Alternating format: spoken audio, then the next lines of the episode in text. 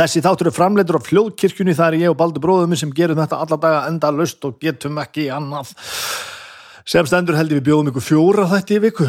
Dómstafur á mándugum sem að eh, held ég hafi fokkað þessu upp og hafi verið sísta þriðju dag eh, Drauga fórtjár á miðugudugum besta platan á uh, föstudugum og svo gæti gætu listamenn fara að drulla sér úr fríi ef ég hef skilið þetta rétt en ég ætla ekki að lofa því andila, ég vona það samt en svo er þessi þáttur hér, hann er á 50 dögum og það er ég sem tala við fólk á 50 dögum eh, ég heiti Snæbjörn á 50 dögum ég heiti alltaf Snæbjörn en líka á 50 dögum og ég tala við fólk. Þetta er þátturinn Snæbjörn tala við fólk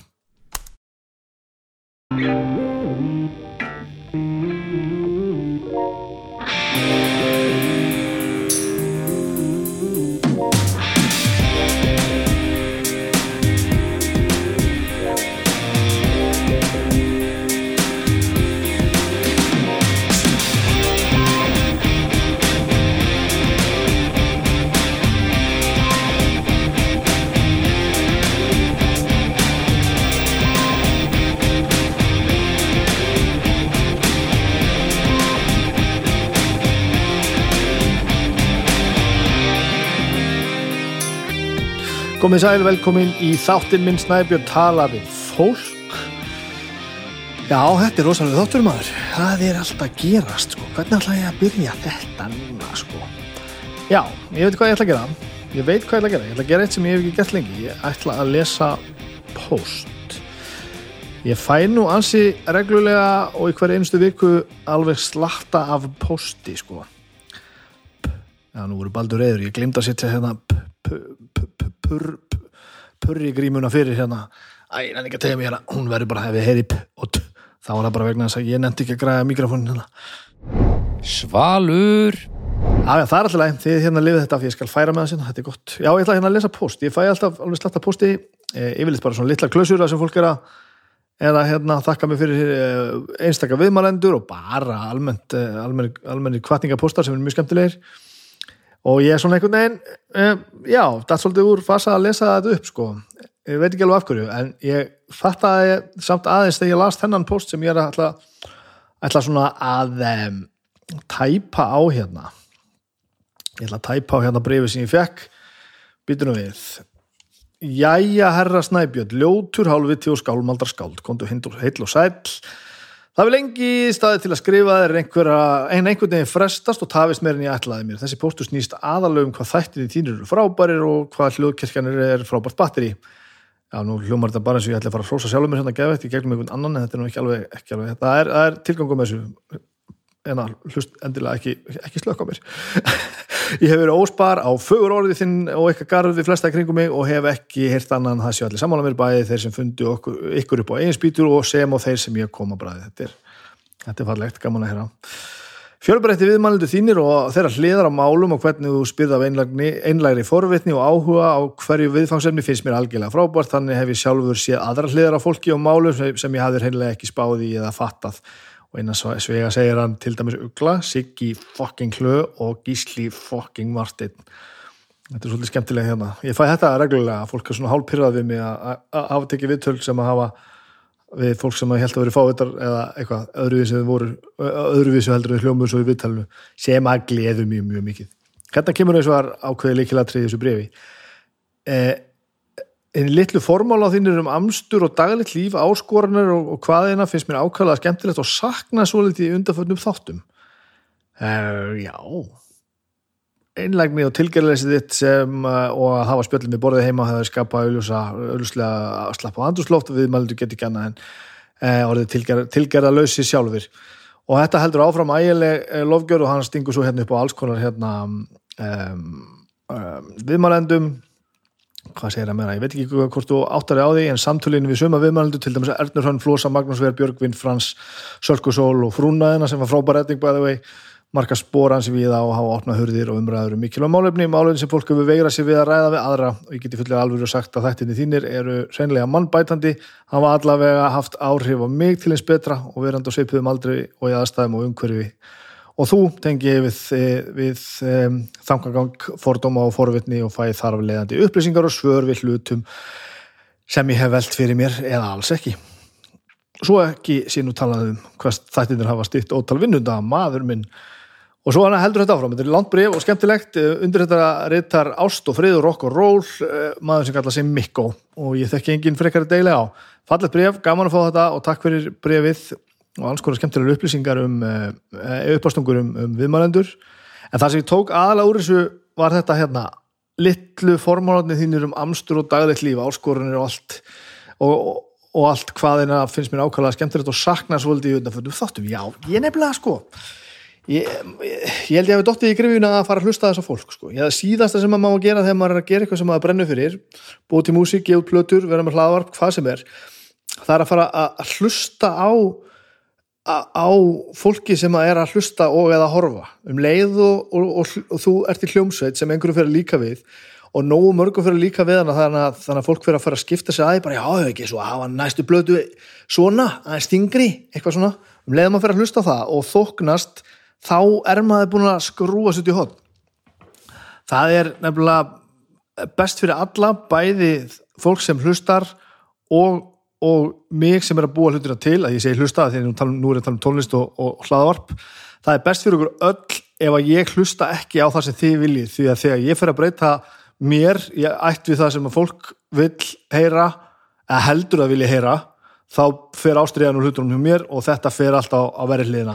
Og ég eftir að hafa lesið einhver örfa komment um það ég bladri og mikið hérna í uppáðun á þessu þáttum þá held ég að ég hafi hreinlega bara látið að hafa áhrif á mig og ég hafi bara hreinlega mingað bladrið þetta hins vegar gefur það til kynna að ég ætti sérlega ekkert að gera það og ég, ég tók þetta aðeins með mér, ég fekk þetta breyf bara í gær og ég hugsaði þetta aðeins í nótt og fekk leiði hjá honum mikko til þess að lesa þessu upp úr þessu og ég, eh, nú er þið bara þið sem þóliði geta bladur um mér fyrir, fyrir þættina, nú er þið bara að fara að skipa. Þið verðið bara að skipa í næstu þóttum því að nú ætla ég bara að tala eins mikið og mér langar. Þar hafið þið það. Þar hafið þið það. Gaman Eh, helgin fór í það að passa börn passa börn, við vorum með tvö börn hérna í nætugistingu, ég, þetta er allt saman. Fjögur börn hérna. Voru fjögur börn uh, í nætugistingu og allt sem því fylgdi. Það var bara, bara ég veit ekki hvort ég hljómið sem sé að ljúa þessu. Það var bara drullu gaman. Það var nefnilega bara drullu gaman sko erfitt, alveg fullt af alls konar djöfusins flækjum, eða eh, flækjum, engum flækjum heldur bara fullt sér þarf að gera, það er allir bara hlaupandi og kúkandi á sig og vilja eitthvað að borða og vilja að gera eitthvað og þurfa að fara út og, og maður það bara fylgja þessu eftir. Og við fórum með allt rastli í Agnes í, í, í bíó og kvolpasvitt, farið og sjáu kvolpasvittaminina, hún er geðvik bara, þá veist, ég, ég mæl ekki með því ég farið ánægis að bann með ykkur, það er skrítið sko, en ykkur leiðist ekki neitt, þetta var ógeðslega gaman. að það var ljómandi, ljómandi, ljómandi gott maður. Þetta er allt saman gott. Við erum búin að vera að gera alls konar skemmtilegt. Fórum hérna, ég hitti hérna, eh, hitti óvænt tvo skálmaldarmenn og, og tvo félagi að auki gumma sem var með mér í króniku og loft sem að spilar bassa. Þeir eru, eru hljómsveit sem kalla sér Atarna. Ég skulle tjekka Atarna á, á, á Spotify, það er svona svolítið bandið að skumma og þeir eru svona mínir tveir menn Gunni á hljómborð, Jónger á trommur og Loftur að spila bassa og Gummi syngur, og spila gítar. Eh, fyrna eh, skemmtilegt band og ég, það þið getið fundið allt saman á, á Spotify og endilega gerðið það. Eh, ég og Agnes hittum þá óvænt á Brúdók, Vi, við fórum á, á, á leiksinninguna slaskabarettin hlið við hlið í gamla bíói í óperunni sem var bara eins og vel hefnað þórablút þetta var alveg, þetta er upp úr lögunum hans frikadórs, þetta var áhugavert og eftir það fórum við á, og fundum okkur mamma var að passa og við fórum og fundum okkur mat og fórum á brúdog og þar sátu þeir bara þessi menn og við sátum bara sex saman og borðum mat. Æla djöfil góðan mat. Mér finnst gaman á brúdog þetta er notabene ekki, ekki hérna, þetta er engin kostun. En hins vegar fyrst ég að ég Þetta, já, fyrst ég nú byrja að tala um brúdók þá getur við reynda að tekja inn hérna kosturunarðala þetta er svo, svo flúent hjá mér. Símin Pay er hérna með mér aftur og enn og í appinu sem ég nota náttúrulega einasta dag til þess að leggja bílnum mínum um, í stæði eru alls konar tilbóð uh, léttköpstilbóðin sem ég geti skoða og þeir fáið, ef þið gerir þetta svo ég fáið í e-mail hvert einasta, hver einastu viku þar sem að stærstu tilbúðin eru tiltekin og þegar og ef eitthvað kemur skemmtilegt upp og eitt flipin í appinu er síðan mathöllin. Þar sem þið getur panta mat frá hinum og þessum stöðum og það sem kvekti þetta hjá mér núna var það að við erum að tala um Brúdók og það er að sjálfsög þetta panta Brúdók Þetta panta Brúdók, sækja og fara heim og borða og ég hef gert það oft. Gerið það, það er gott að borða Brúdók og alls konar, það er fulltastöðum sem ættir að uh, vörka hér inn á, á Simin Pay appinu og og sem hún alltaf eins og sé alls konar tilbúð, leggja bílum sínum bara og það bætist við þetta í hver einustu viku þetta er mjög skemmtilegt og skilvirt og við erum með annan kostanda hérna með okkur, við erum með annað samstarf það er sjóvá og ég get nú bara sagt ykkur það ég er að horfa hér á glænían iPad ef þið hafa verið að hlusta undan þannig vikur þá vissu það kannski að svonum minn braut iPadin okkar fyrir mörgum vikum síðan og ég notaði þið gríðarlega þægilega viðmót til þess að senda sjóa um, tjónatilkynningu í, í gegnum netið bara svona, bara svona 8 mínutum eftir að bröta iPadin. Og það tók bara svona það tók bara svona aðrar 8 mínutur að tilkynna allt og ég fekk svar alveg um hæla. Já, farðu, bara við skulum bara bæta þetta og eitthvað, svo liður bara mjög margi mánuður þar sem ég gerði ekki neitt og átti bara brotin iPad sem svona virkaði næstu því, eða þú veist alveg en hann var stór hættilegur, þannig ég gæti ekki látið börnum mín hafa þegar ég þurfti að losna við og meðan þau horfa eitthvað ógi á YouTube. Þannig að það er bara búið að vera skemmtur iPad en núna með eh, ef að segja með lækandi sól ég er að taka ég er búin að vera að taka til alls konar gegn hjá mér bæði að vinna í þessu sálfræðistöfi sem ég og, og, og Magnús Blöndal erum búin að vera að taka fyrir. Ég er búin að vera hér mjög reglulega Magnús í Blöndal sálfræðing og, og það svo vinna er að skila sem markvallt og ég er að gera alls konar ég til dæmis gerði bara við uppþóttavélina mín í ger gerði við, ég að gerði ekkert við hann ég þurfti að skrúa samt að þurrku upp einhverja bleitu og átt á mig að hvað var að og eitthvað og ég gerði það. Fyrir hálf voru síðan hef ég bara lagst upp í sofa og fór að grenja.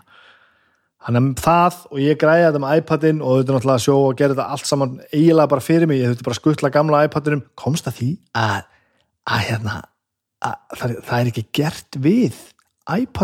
að ég fekk nýjan. Það, það er skipt um gler í, í iPhone. Ég á notabunni ekki, ekki Apple síma. Það skipt um gler í iPhone en ekki iPad, þannig fengur bara nýjan.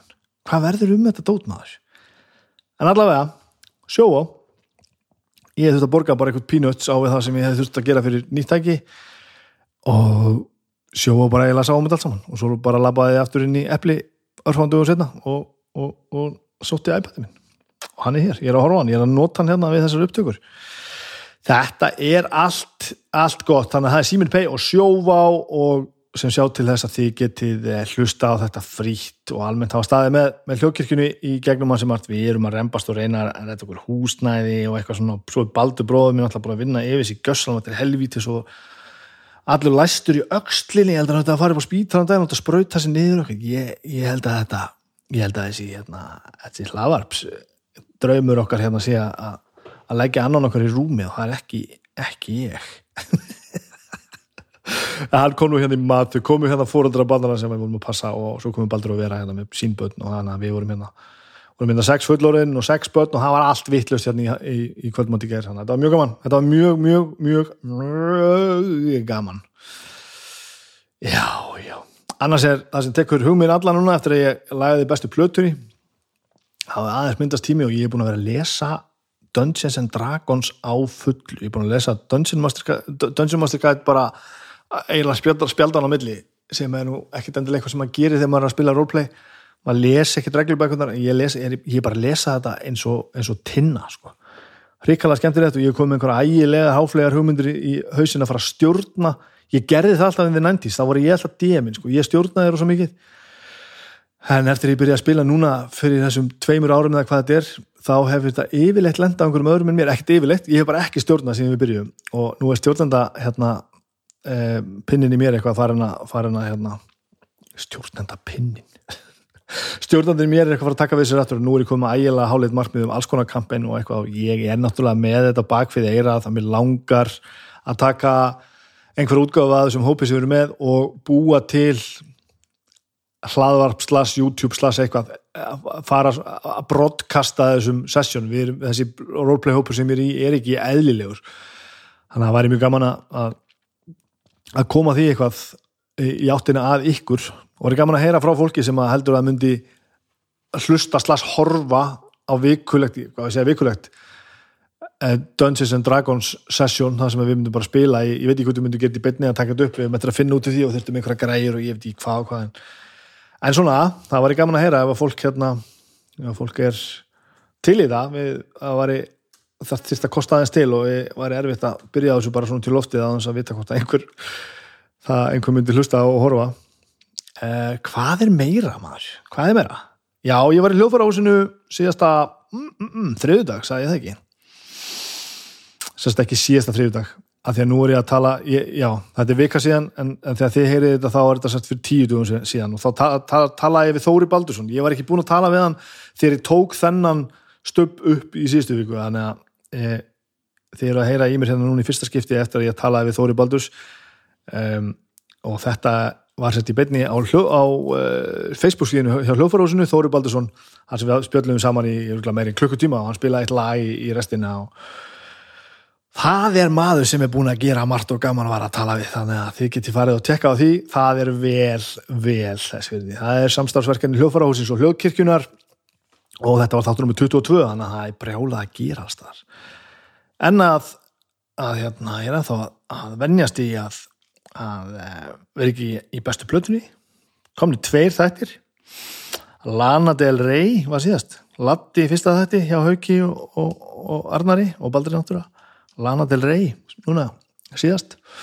Og morgun þá fara nú að færa svo på skafti og fara, fara að hlaða í og þá er það Led Zeppelin. Það er bara þannig.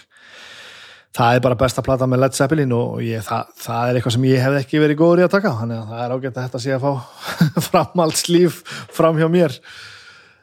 Uh, mjög gaman eins og að hlusta á bestu plötun og ég skil núna miklu betur hvað fólk var að tala um þetta. Fólki þetta kemur stríðan skemmtileg og þátturinn skemmtilegur þetta er ógeðslega gaman Mikko, þetta var þetta var góð þetta var gott bref mikið er gott að, hérna, að ég sé bara hérna bladra, mér finnst gaman að sitja hérna einn heim og bladra. Barni mitt í skólanum og hitt í leikskólanum og kona mín í vinnun og ég sitt hérna einn heima við eldursporið Bjarni Ben nýfærin og ég sitt bara hérna og bladra. Djöfull er lífi gott. Djöfull er lífi gott ég held ég þurfu samt ekkert að segja meira núna sko, ég get bara að tala um eitthvað meira næst. Nú ætlum ég bara að fara að, sleppa ykkur í það að hlusta á mig og Bjarni ég þetta var rosalegt vittal sko. Hann er ægilega skemmtilegur. Um, hann er ægilega skemmtilegur og hann mætti hérna alveg til að tala. Eh, þetta er fullt af pólitík en ég, ég reyndir náttúrulega að stýri svo í þar áttir að ég mér þetta er ekki leðilegt að ég get ekki setti hérna og hlusta þá venjulegt tal um pólitík ég bara næ ekki utan með það sko. Þannig að ég svona, já, reyndi, reyndi að koma þessu yfir á, yfir á það forma hérna að væri eitthvað pínu nýtt í þessu og hann sagði alls konar mjög áhugavert og skemmtilegt. Og ég hef aldrei hitt hann held ég fyrir sko og hann er hérna hættir óskaplega skemmtilegur og heitlandi maður. Uh, ég er ennþá svolítið að melda þetta. Ég þarf kannski ekki að melda þetta hérna. Ég ætla bara að hætta að tala og þið skulle meta þetta bara og hlusta á mig og Bjarnar Benediktsson fjármálur á þeirra hérna rétt á hann bara hér við eldursporið góða skemmtun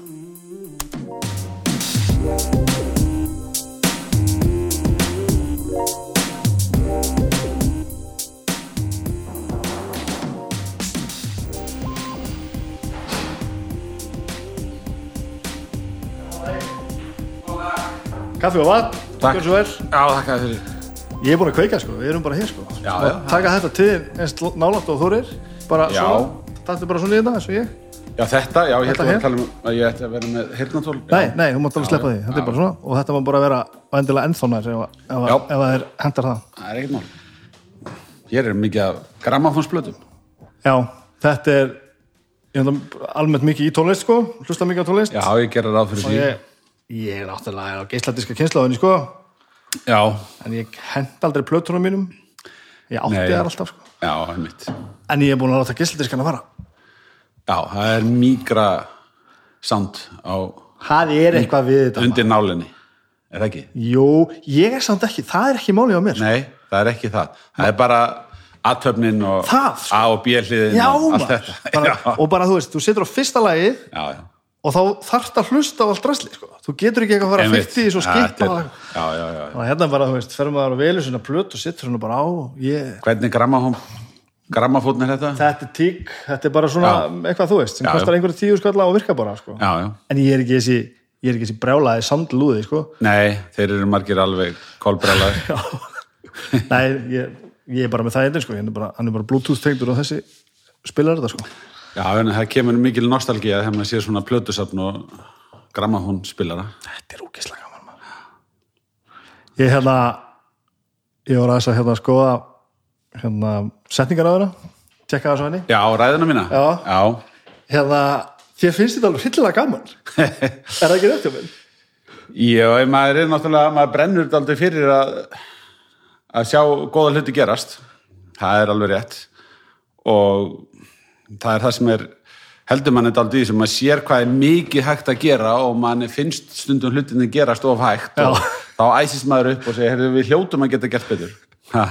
eitt sem að ég hérna sko, auglýsingastofum maðurinn mér náttúrulega tekst á loft við þetta sko mm. af því að þú veist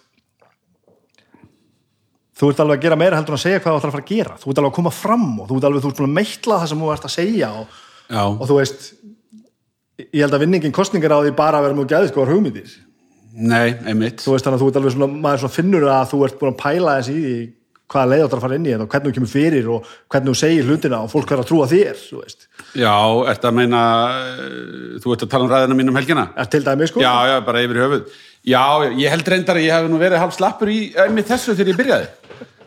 Og ég hef fengið hérna, ég er mjög þakklátur fyrir mitt fólk að hafa haft fólemaði til þess að býða eftir ég svona gerði þetta aðeins betur og já, já, ég finna að ég hérna get ekki sagt, komið hlutunum til skila nema að vera undirbúinn og að hafa sko svona gefið því smá tíma uh, og hugsun hvernig maður kemur sér til skila. Og það sem að ég finn fyrir er mjög stert sko, mjög stert hvað hlutinir hafa breyst gríðarlega þannig tíma sem ég hef verið á þingi. Þetta eru, veist, ég kem inn, í, inn á þingi 2003 já, þá skiptir rosalega miklu máli að við gæfum út okkar eigin kostningablöð og, og það var mjög mikið lagt í sjónvarsauðlýsingarnar og heilsýðu auðlýsingar í blöðum og svo framvegis og sko, minna, samfélagsmiðlar ekki komnir neitt af stað að viti sko, en það eru svona flest forritin sem við notum í dag uh, miklu yngri en það sko. Já, já, og þetta hefur smám saman leitt til þess eins og ég horfa á það að sko, þú verður að vera með þó ég hafi flutt langa ræðum helgina þú verður að vera með einföld skilabóð og þetta, þetta síður svo oft bara í örfa orð.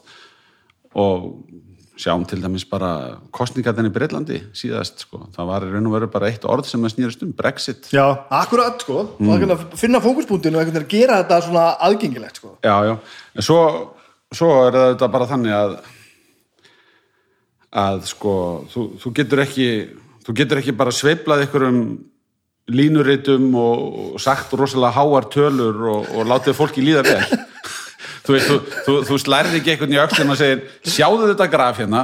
Sjáðu hvað þú hefur það gott? Marga miljónir hérna. Já, sko, ef að viðkomandi líður ekki eins og hlutinni séu í lagi þá er alveg saman hvað stendur á þessu línuriti. Já, já, og ég held að margir stjórnmálamenn og ég segi þetta oft við félagið mína oft þegar við förum til fundar við fólk og mætum í stóran sal og svona það besta sem við gerum er ekki að segja alla réttu hlutina og halda orðinu lengi og svona. Það besta sem við gerum er oft ekki annað heldur en það að skilja fólk eftir með tilfinninguna um að við séum að hlusta. Mm.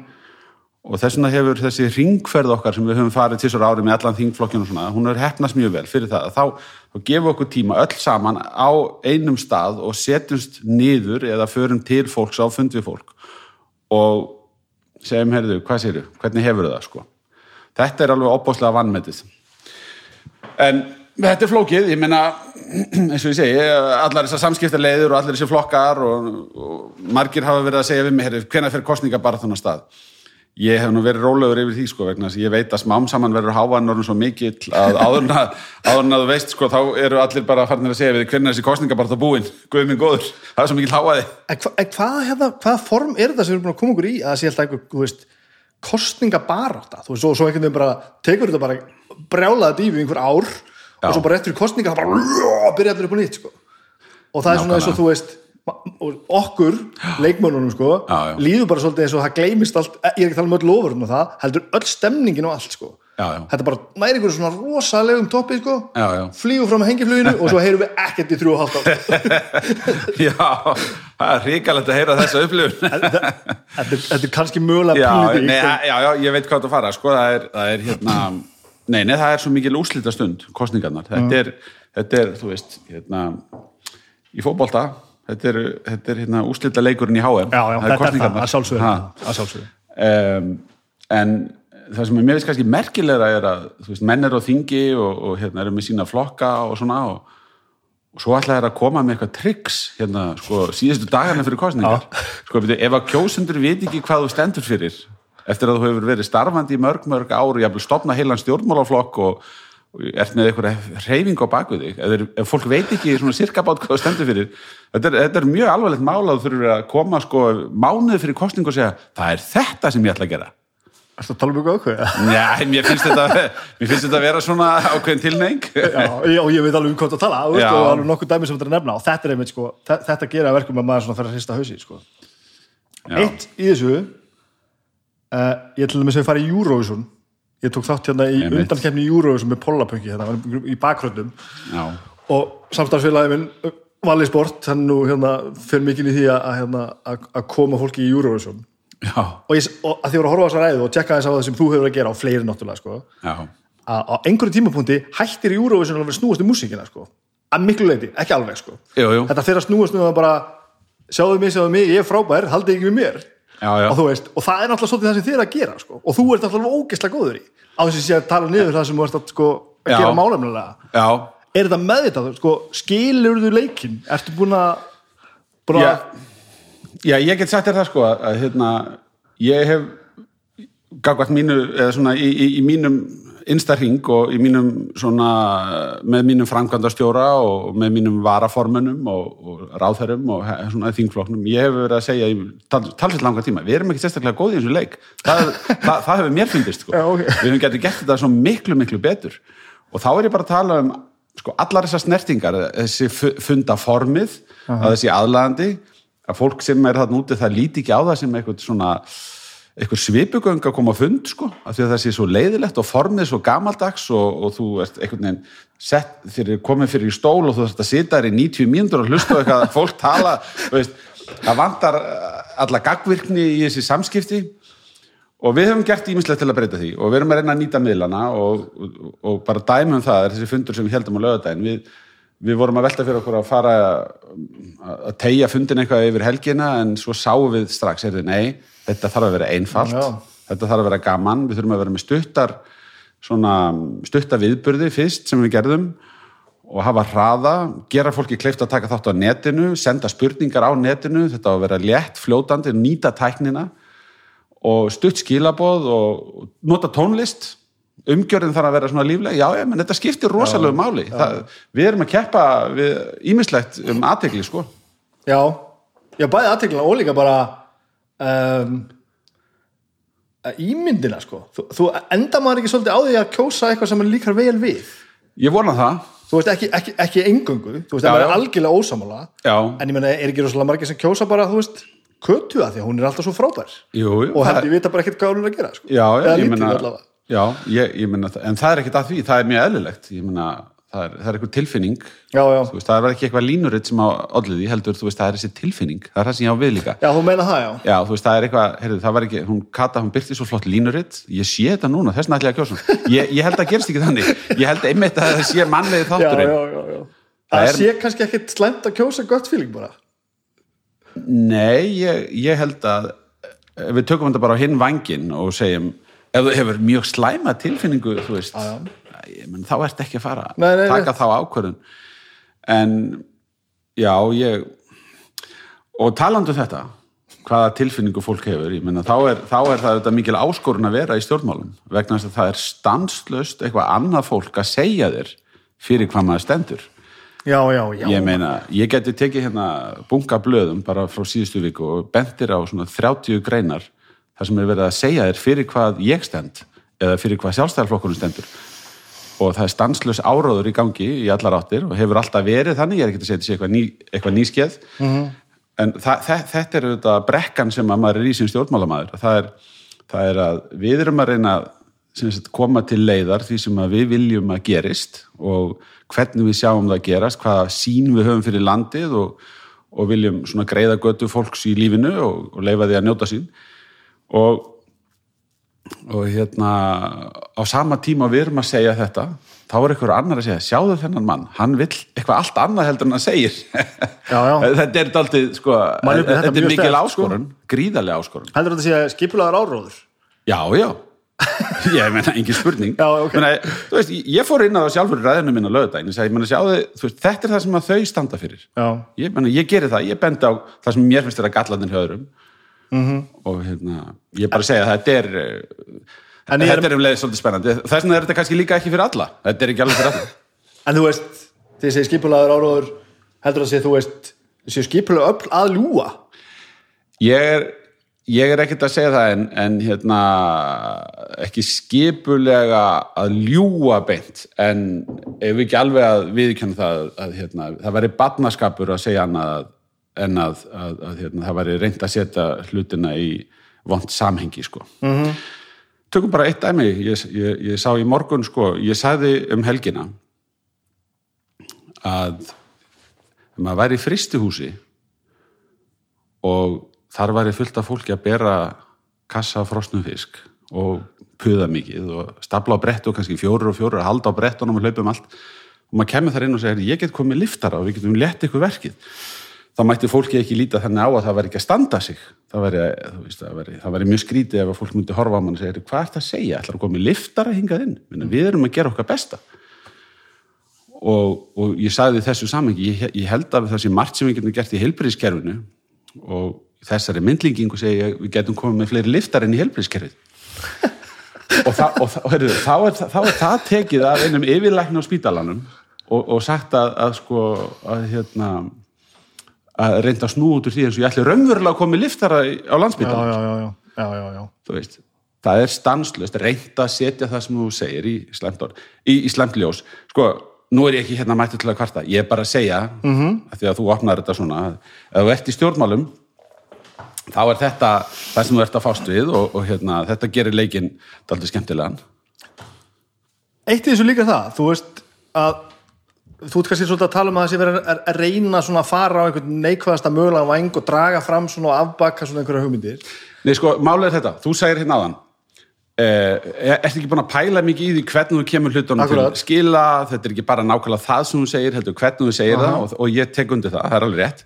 En þú mátt ekki gleyma því að á hliðalínunni á meðan þú ert að vanda þig rosalega mikið og hugsa hvernig þú ætlar að segja þetta þá er eitthvað að segja, hann er ekki að meina þetta. Hann er að hugsa allt annað, hann mun ekki standa við það sem þú segir, Já, já, það sem hann segir En, en pó- pólitík líka virðist vera þannig að, að það er allir sitt hverju liðinu mann líður svona eins og þetta ætti veginn að vera þannig já, við erum ekki alveg sammála en eigum við að reyna að vinna saman sko. í staðin fyrir eru bara allir sem eru ekki með þér í liði Já. að reyna að mála þið sem, sem mestan drullusokk með öllum ráðum sko. Já, já. nei, nei, þetta er, þetta er ekki venjulegt sko hvað það snertir að hérna, það, það er eins og þetta eigi sína eigin lögmáld aldrei hérna, stjórnmálið. Já. hefur, en, en hefur þetta alltaf verið svona? var þetta aldrei Er það ekki? Ég veit það ekki. Ég held að ég, er, er ekki bara gömul saga og ný og, og flýst á milli landa líka en, en, en, en við getum gert margt til þess að bæta menninguna. Uh Mhm. -huh. Sjáðu bara hvað hefur er töluvert mikil áhrif á alþingi að það sé í gangi bein útsending. Já, Það hefur bara töluvert mikil áhrif. já ok Það vil ég meina alveg ákvað tíma. ég hef aldrei pælt í þessu að fólk bara Nei, ég meina á sínum tíma þá er, þá er, það er, það er engin, hérna, engin, engin upptaka semst á bein útsendingi gangi en, en það voru þing fréttaritarar á svölunum og þeir skrifuðu næsta dag í blöðin og, já, já, já, já. og jú, jú, það var hægt að nálgast upptökur af því sem sagt var og svona en þegar þetta er á skjánum hjá öllum landsmönnum allan daginn það sem er að gerast inn í þingsal það hefur áhrif á það hvernig fólk kemur fram og hvernig það tala hvert til annars. Það er að reyna að búa til eitthvað svona sensation oft á tíðum til þess að grípa aðtegli, fanga aðtegli þetta er, þetta er já, já, mér fannst þú segja það áðan það, er, það fer stundum að staða á hver leikrit eða leikhús. Já, það gerir það. Og, og, og auki finnst manni líka sko að þetta fara að snúast um eitthvað að því ég held að það hafi uppálega að það snúast um það sko að við myndum vera ósamála með einhverja fulltrúa svona að representa alls konar hópa og það ætti svona að reyna að finna einhvern flöt á því sko. Já, en svo fer þetta bara að vera slagur Já, já, en, en við, við, við, ger, við, við ráðum því sjálf hvernig við tökum þátt í þessu Já. og hérna, ég ætla nú að vona að upplifunin sé ekki svo að, að hérna, það séu allir að spila þetta eins Ég man eftir þegar Björt framtíð var til hérna um árið þá komum þau mjög stert með þau skilabónu þing þau ætla ekki að taka þátt í þessu leikriti mm -hmm. þau ætla að vera málefnaleg, heiðarleg og hérna, jákvæð, uppbyggileg ætla ekki að taka þátt í málþófi eða eða hérna, vera með ónóti í garð annara, heldur bara segja hvað þau vildu gera og svona og mér finnst það bara fínt hjá þeim en, en mér fannst það á köplum vera mjög erfitt fyrir þau sko. Já, að sleppa því ég, ég reyndar, ég, meni, ég ætla að gefa óttari proppið það, hann, hann, hann missi sig aldrei sko. -hmm. En ég meina Gummi Stengrims og, og hérna, Robert Marshall, þeir eru náttúrulega miklar, þú veist, þeir eru með mikla tilfinningar í sér og hafa mikla skoðanir og maður fann stundum að þeir voru að bæla niður í sér. Ég er ekki að segja þeir hafi missi algjörlega en ég bara, sá, ég sá bara þetta var, þetta var rosa erfitt af því að þeim blöskraði stundum eitthvað sem sagt var. Og ég hugsaði með mér, já ég mann hvað þið sögðu, þið verður að halda áfram að halda haus. Alveg strögglandi sko. Lága bara til að springa og öskra sko. Hvað sko hann að þvæla er í gangi hér? Eitt í viðbót sem að ég tók eftir ég var að hlusta þig og náttúrulega fleiri og, og uh, mín tilfinning er svo að, að sko, pólitík hafi meira og svona, öll svona barátta hafi svolítið snúist um að tala við alla sko. hérna, uh, sjáðu mig hérna, mér finnst þetta verið með mér í liði sem er bara gott sko. -hmm. núna líður manni svona eins og þessi bara búið að þú sér bara búin að átta á því það er hérna einhver hópur af fólki sem er aldrei að fara að hlusta á mig ég ætla bara ekkert að tala við þau sko. ég ætla að Já. tala við fólkið sem að veit, ég veit það í sammála Já. og í aðrana á því og reyna að ná sem flestum í netið sko. þetta er að ég er málið svolítið svart með þess að en þú skilur hvað ég á við já, svolítið svona bara eins og, nú er ég ekki líka hérna, skoðunum með netið þetta en svolítið eins og Trump vann málið með því að tala bara beint á sitt fólk sko. og, Já, já. og gleyma því að hini séu til bara að taka út á borðinu sko. já sko það er hérna auðvitað þannig að, að við, við höfum alltaf vilja vera breiðfylking og við, við gætum hérna, höfða til margra ólíkra hópa og, og flokkurinn hefur notið tölvöld mikil stuðnings í gegnum tíðina sem að hlýtur að þýða að við höfum geta samina fólk um eitthvað svona grunngildi þó að sé ekki alveg með nákvæmlega sömu lífsýnina. En þetta sem þú ert að segja er, er kannski meira rétt í aðranda kostninga að hérna, það eru allir þessir hvað við segja, þessir hérna talnafræðingar, sko, þeir eru búin að það eru til svona töflur, sko. Þú veist að í alveg tala, það er alveg til töflur um það, sko, nákvæmlega, heyrðu glemdu því að tala við hópin sem er svona, svona svona og finnst þetta og þetta og þetta, þú myndi ekki ná honum í þinn flokk, sko. Hvað kallar það töflur? Nei, ég bara meina skoðanakannanir Já, átt að skema yfir það. Já, það er hægt að láta, láta framkvæmla slíkt fyrir ef þú vilt nota það, sko. Já, En við erum frekar að nota breyðari skilabóð, þú veist, við, við, við hérna, og við viljum ekki endilega höfða til kjósenda sem að eru ákveðnin segja mig að kjósa sósýristaflokkin. Ég ég, ég væri komin út úr karakter ef ég segði já, já, já, að, að þeir ættu frekar heima hjá mér, sko. já. Nefndur þetta ekki þessari ræða þú- þér fannst, finnst bara eins og við varum að fara aftur um hálfa öld bara Já, já, þetta sem mér finnst líka mjög merkilegt sko, að hérna og mér finnst, þetta frábála framsett sko, mér finnst þetta ógeðslega gaman að hlusta að segja þetta en það er rosalega magnað, þú, sett- þú hérna standi sem, þú veist kallmaður um miðum aldri og sett að tala um aðra kallmenn og allt annað fólk sem er bara einhvers annars þar í öðrum flokki og segja bara, ég hef rosalega rétt fyrir mér, þau hafa öll rosalega ránt fyrir sér. Já, ég sagði, ég meina, velkomin til leiks, ég meina, við, við skulum bara, hérna, tökumst á um þetta, allt í lagi, en, en hérna, ég sé bara ekki, sko, að þetta hafi virkað nokkuð staðar það sem við erum að reyna að gera, sko. Nei, nei, nei. Og, og, og þetta er, þetta er attitút sem fyrir inn í þetta bara, þú sérði ekki þetta virki Já, í, í tilfelli sósjalistana að bóða meiri sósjalism á Íslandi. Ég, ég, meni, ég benti bara á það að, að hérna, hvergi okkar heimsluta, ég menna vesturlönd eru það svæði á jörðinni þar sem að velmögun fólks hefur verið mest, hvergi er sósjalismi ráðandi, sko, hvergi. Eh, hann var þá einu, einu tíma sko, töluvert áberandi og áhrifa mikill en, en hérna, það fólk var hrakið frá völdum sko. og, og þar sem að við sjáum sterkan sósjálisma veist, þar, þar, erum við að tala um löndis og Venezuela og Kúbu og veist, það er mikil eind og fólk er að flýja og, ég er bara að segja að koma svona bratt með þessa hugmyndafræði í grunninn, sko, grunn hugmyndafræðinu sósialisma Já. og segja þetta er það sem við þurfum á Íslandi, finnst mér alveg út í hött og þú stendur bara upp og segir mér finnst þetta bara fucking ránt Já, já, algjörlega það, það finnst mér, það finnst mér nefnilega aðdáðanavert sko, alveg bursar á skoðunum sko. mm.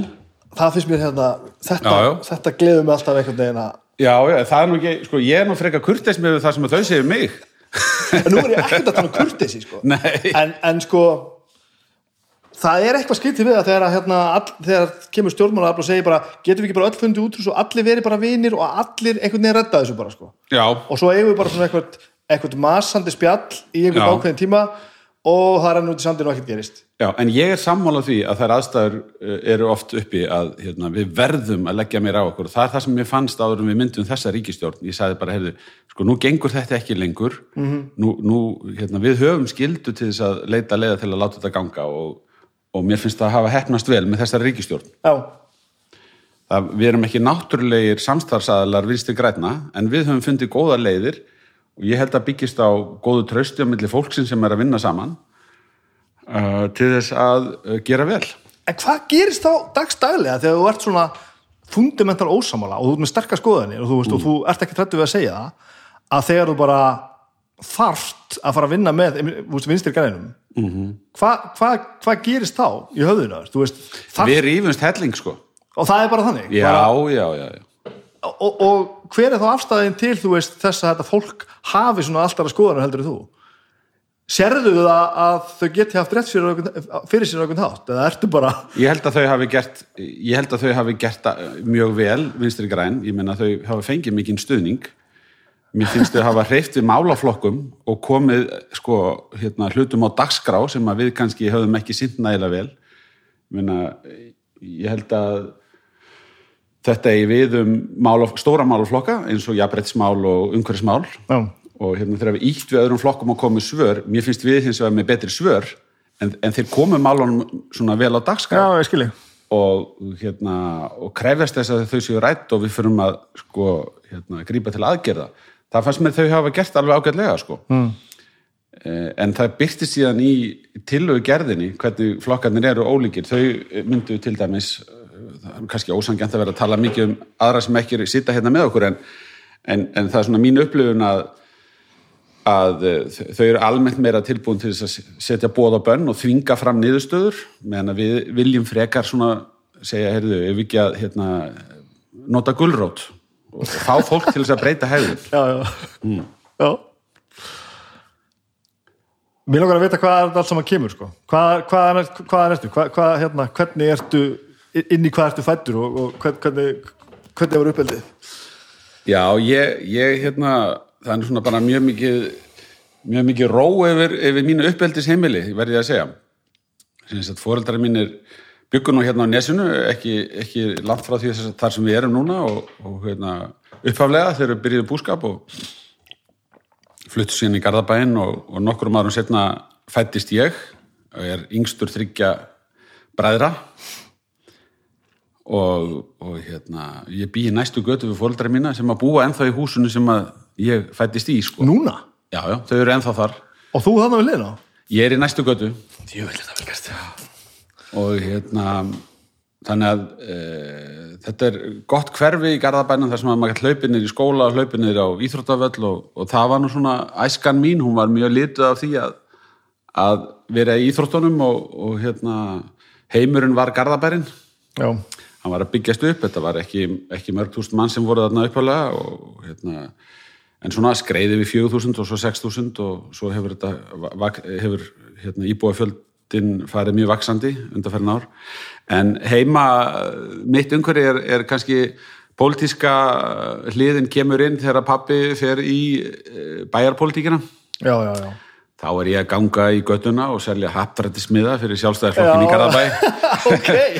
Smá gauti hérna, að hérna eh, ganga hús úr húsi og með bunga haftrættismiðum sjálfstæðisflokksins í Garðabæ, viltu kaupa miða að taka þátt? Svo lærði maður að þetta svona eftir þessum árin liðu hverjir keiftu alltaf miða og hverjir keiftu aldrei miða. Vissi við hverju áttur að tala og sleftir hinn húsunum já, já. svo bar ég út blöðin sko, Garðar heitir málgagnið í Garðabæ þetta bar maður út í, í margar götur pappi ég vissi að það voru koma kostningar þegar pappi kom heim með svona háan stapla af görðum. Og þá beð mín að ganga í gödurnar Var hann pólitísk, pólitískur alltaf eða, Já, sem hann hefur alltaf verið það, hefur náttúrulega verið mjög mikil pólitík í hérna, svona mínum frændgarði. Að og um, og uh, pappi var lengi í, í bæjapolítikinni og, og hérna, var ótviti sjálfstæðsmanna þar. Einu sinni hérna, var hann nú, tók hann þátt í prókjöri til þess að komast inn á þing en, en hérna, náði ekki örugusæti mm. en hann var mjög ungur og, hérna, og, og reyndi það ekki aftur en, en fór í bæjapolítikina síðar. Og um, hann ég, ég man eftir að hafa setið með pappa í, í, í bílnum og, og hérna og tekið eftir því að það var eitthvað mikið að gerast hjá hann að vettvangi stjórnmálana og, hann tók mig með á fundi og, og ég, þá vorum við að ræða saman í bílnum og ég var svona að segja bara byrju, hver, hvað er það eiginlega sem framsóknar fólki vill? Skilur, maður var bara eins og henni nátt að segja, byrju, hvað eru fólk að skipa sér í flokka hérna? Verður ekki öll sammála. Já, Hvað ertu gaman það? hann er ég bara 8, 10, 8, 9, 10 bara, ára. Bara Já, já. Ok, gaman já, já. Og hvað varst að gera fleira? Þú veist, ekki varstu bara í pólitík þú varst 10 ára? Nei, nei, nei, nei ég, ég var nú bara á þeim aldrei var maður náttúrulega bara að leika sér. Ég man að pappi tók mig með á, á, á hérna, fundin hérna, tölurvett síðar. Þá var ég nú orðin auðvitað komin hérna, á mentaskóla árin en, en hérna hvati mig til að koma á fundin þegar að e, ríkistjórn Þorsteins Pálssonar sprakk og fundur var haldinn á Hótel Sögu og svo smám saman uh, í gegnum félagskapin að þá, það var nú þannig þegar ég fór í mentaskólinu Reykjavík. Og þá var, uh, þá var sem sagt, mjög sterk tengsl við Heimdall, félag ungra sjálfstæðsmann Reykjavík. Og trúnar menn eða sagt, fólk í fórustu fyrir Heimdall í skólanum. Og það smitaði inn í félagslífið og kveikti áhuga. Og, og til að byrja með þá hafði ég nú áhuga á að, að hitta þetta fólk og taka þátt í bara svona Það er til dæmis spennandi fyrir ungd fólk svona mentaskóla árunum þegar það er bóðið upp á herðu, akkur komið ekki stjórnmálaskólan og við bara skulum sína ykkur hvað er að gerast á þinginu, hvað eru ráþeirarnir að fást við -hmm. veist, fyrir hvað standa hinn er ólíku flokkar og svona og þú veist, þannig að stjórnmálarhreyfingin hefur gert mjög gott í því að svona bara opna dyr og síðan þú kannski ferði gegnum eitthvað svona prógram og þá heyrðu, akkur ekki að fara á ræðunámskeið? Já, já, já að því að þú varst nú að tala um ræðuna sem ég flutt um helgina ég átti alveg óbóðslega erfitt með að standa upp og flytja ræðu á þessum árum Hæ? já, Býttu nú við? já ég, það, var, það var eitt bara mér fannst það alveg hrikalega erfitt mér langaði rosalega til þess að geta gert það en ég átti alveg hrikalega erfitt með það sko. þannig ég fór á mörg ræðunámskeið og fekk svona, þú veist sjálfströst til þess að smá saman brjóta mig út úr því En svona, en það er, það, það er, það er sjálfgæft að sé alveg meðfætt sko já, nema að ég finna því að tala við leikarana sem koma hérna Já. Það er fólki sem einhvern veginn bara stóð beint upp á kassa og byrjaði að halda ræður eða sína Já. sýningar eða eitthvað svoleið sko. Það sumir hafa það í sér sko. Já, já, Nei, ég, sko, það sem að mér fannst erfitt var að, að hérna, ég, ég hafði kannski sterkar skoðunar á málum en átti erfitt með að finna það hjá mér að standa upp og þruma því út, sko. Áhugavert Já. Það er ekki eitthvað sem að giskar á akkur núna Nei, en, en hérna, þannig var það. Og hvernig varstu svona Ég man eftir ég var að taka þátt í ræðukefni í mentaskólanum Reykjavík og þá skráðu við okkur hérna, félagar úr bekknum og, tókum þátt í svona bekkjakefni, við vorum þrýr úr bekknum sem að tókum þátt. Þannig að þú veist, ég hafði alveg það alveg í mér að skrá mig í ræðukefni. Já, En, sko, að fara svo að flytja ræðuna, það var kvöl og pína, sko. álfur Já, já. Hvernig varstu svona sósíali Jú, jú, ég, ég, ég sóseli átti ég bara mjög auðvelt með að kynnast fólki og tengjast og var fyrirlið í mínu liði í fótbolta og, og handbolta og hérna, allt í lagi með það, sko. En þetta, af hverju þetta? Ertu búin að setja fingurinn á það? Ég veit að ég held að, maður, man er, ég held að það sé þessi tilfinning að þú þurfir að gera þetta svo vel að þú ætlar að gera það, að því að maður sá, þú veist, hvað menn voru sumir góðir í þessu, þegar maður er að horfa á morfís og maður sér bara hvernig, þú veist, hvaðan, hvaðan fá þér hæfileikan til að standa hérna og leika þessar listir og koma með allar, allar þessar smellnu setni, setningar og allt þetta og vera svona fyndnir líka og allt þetta.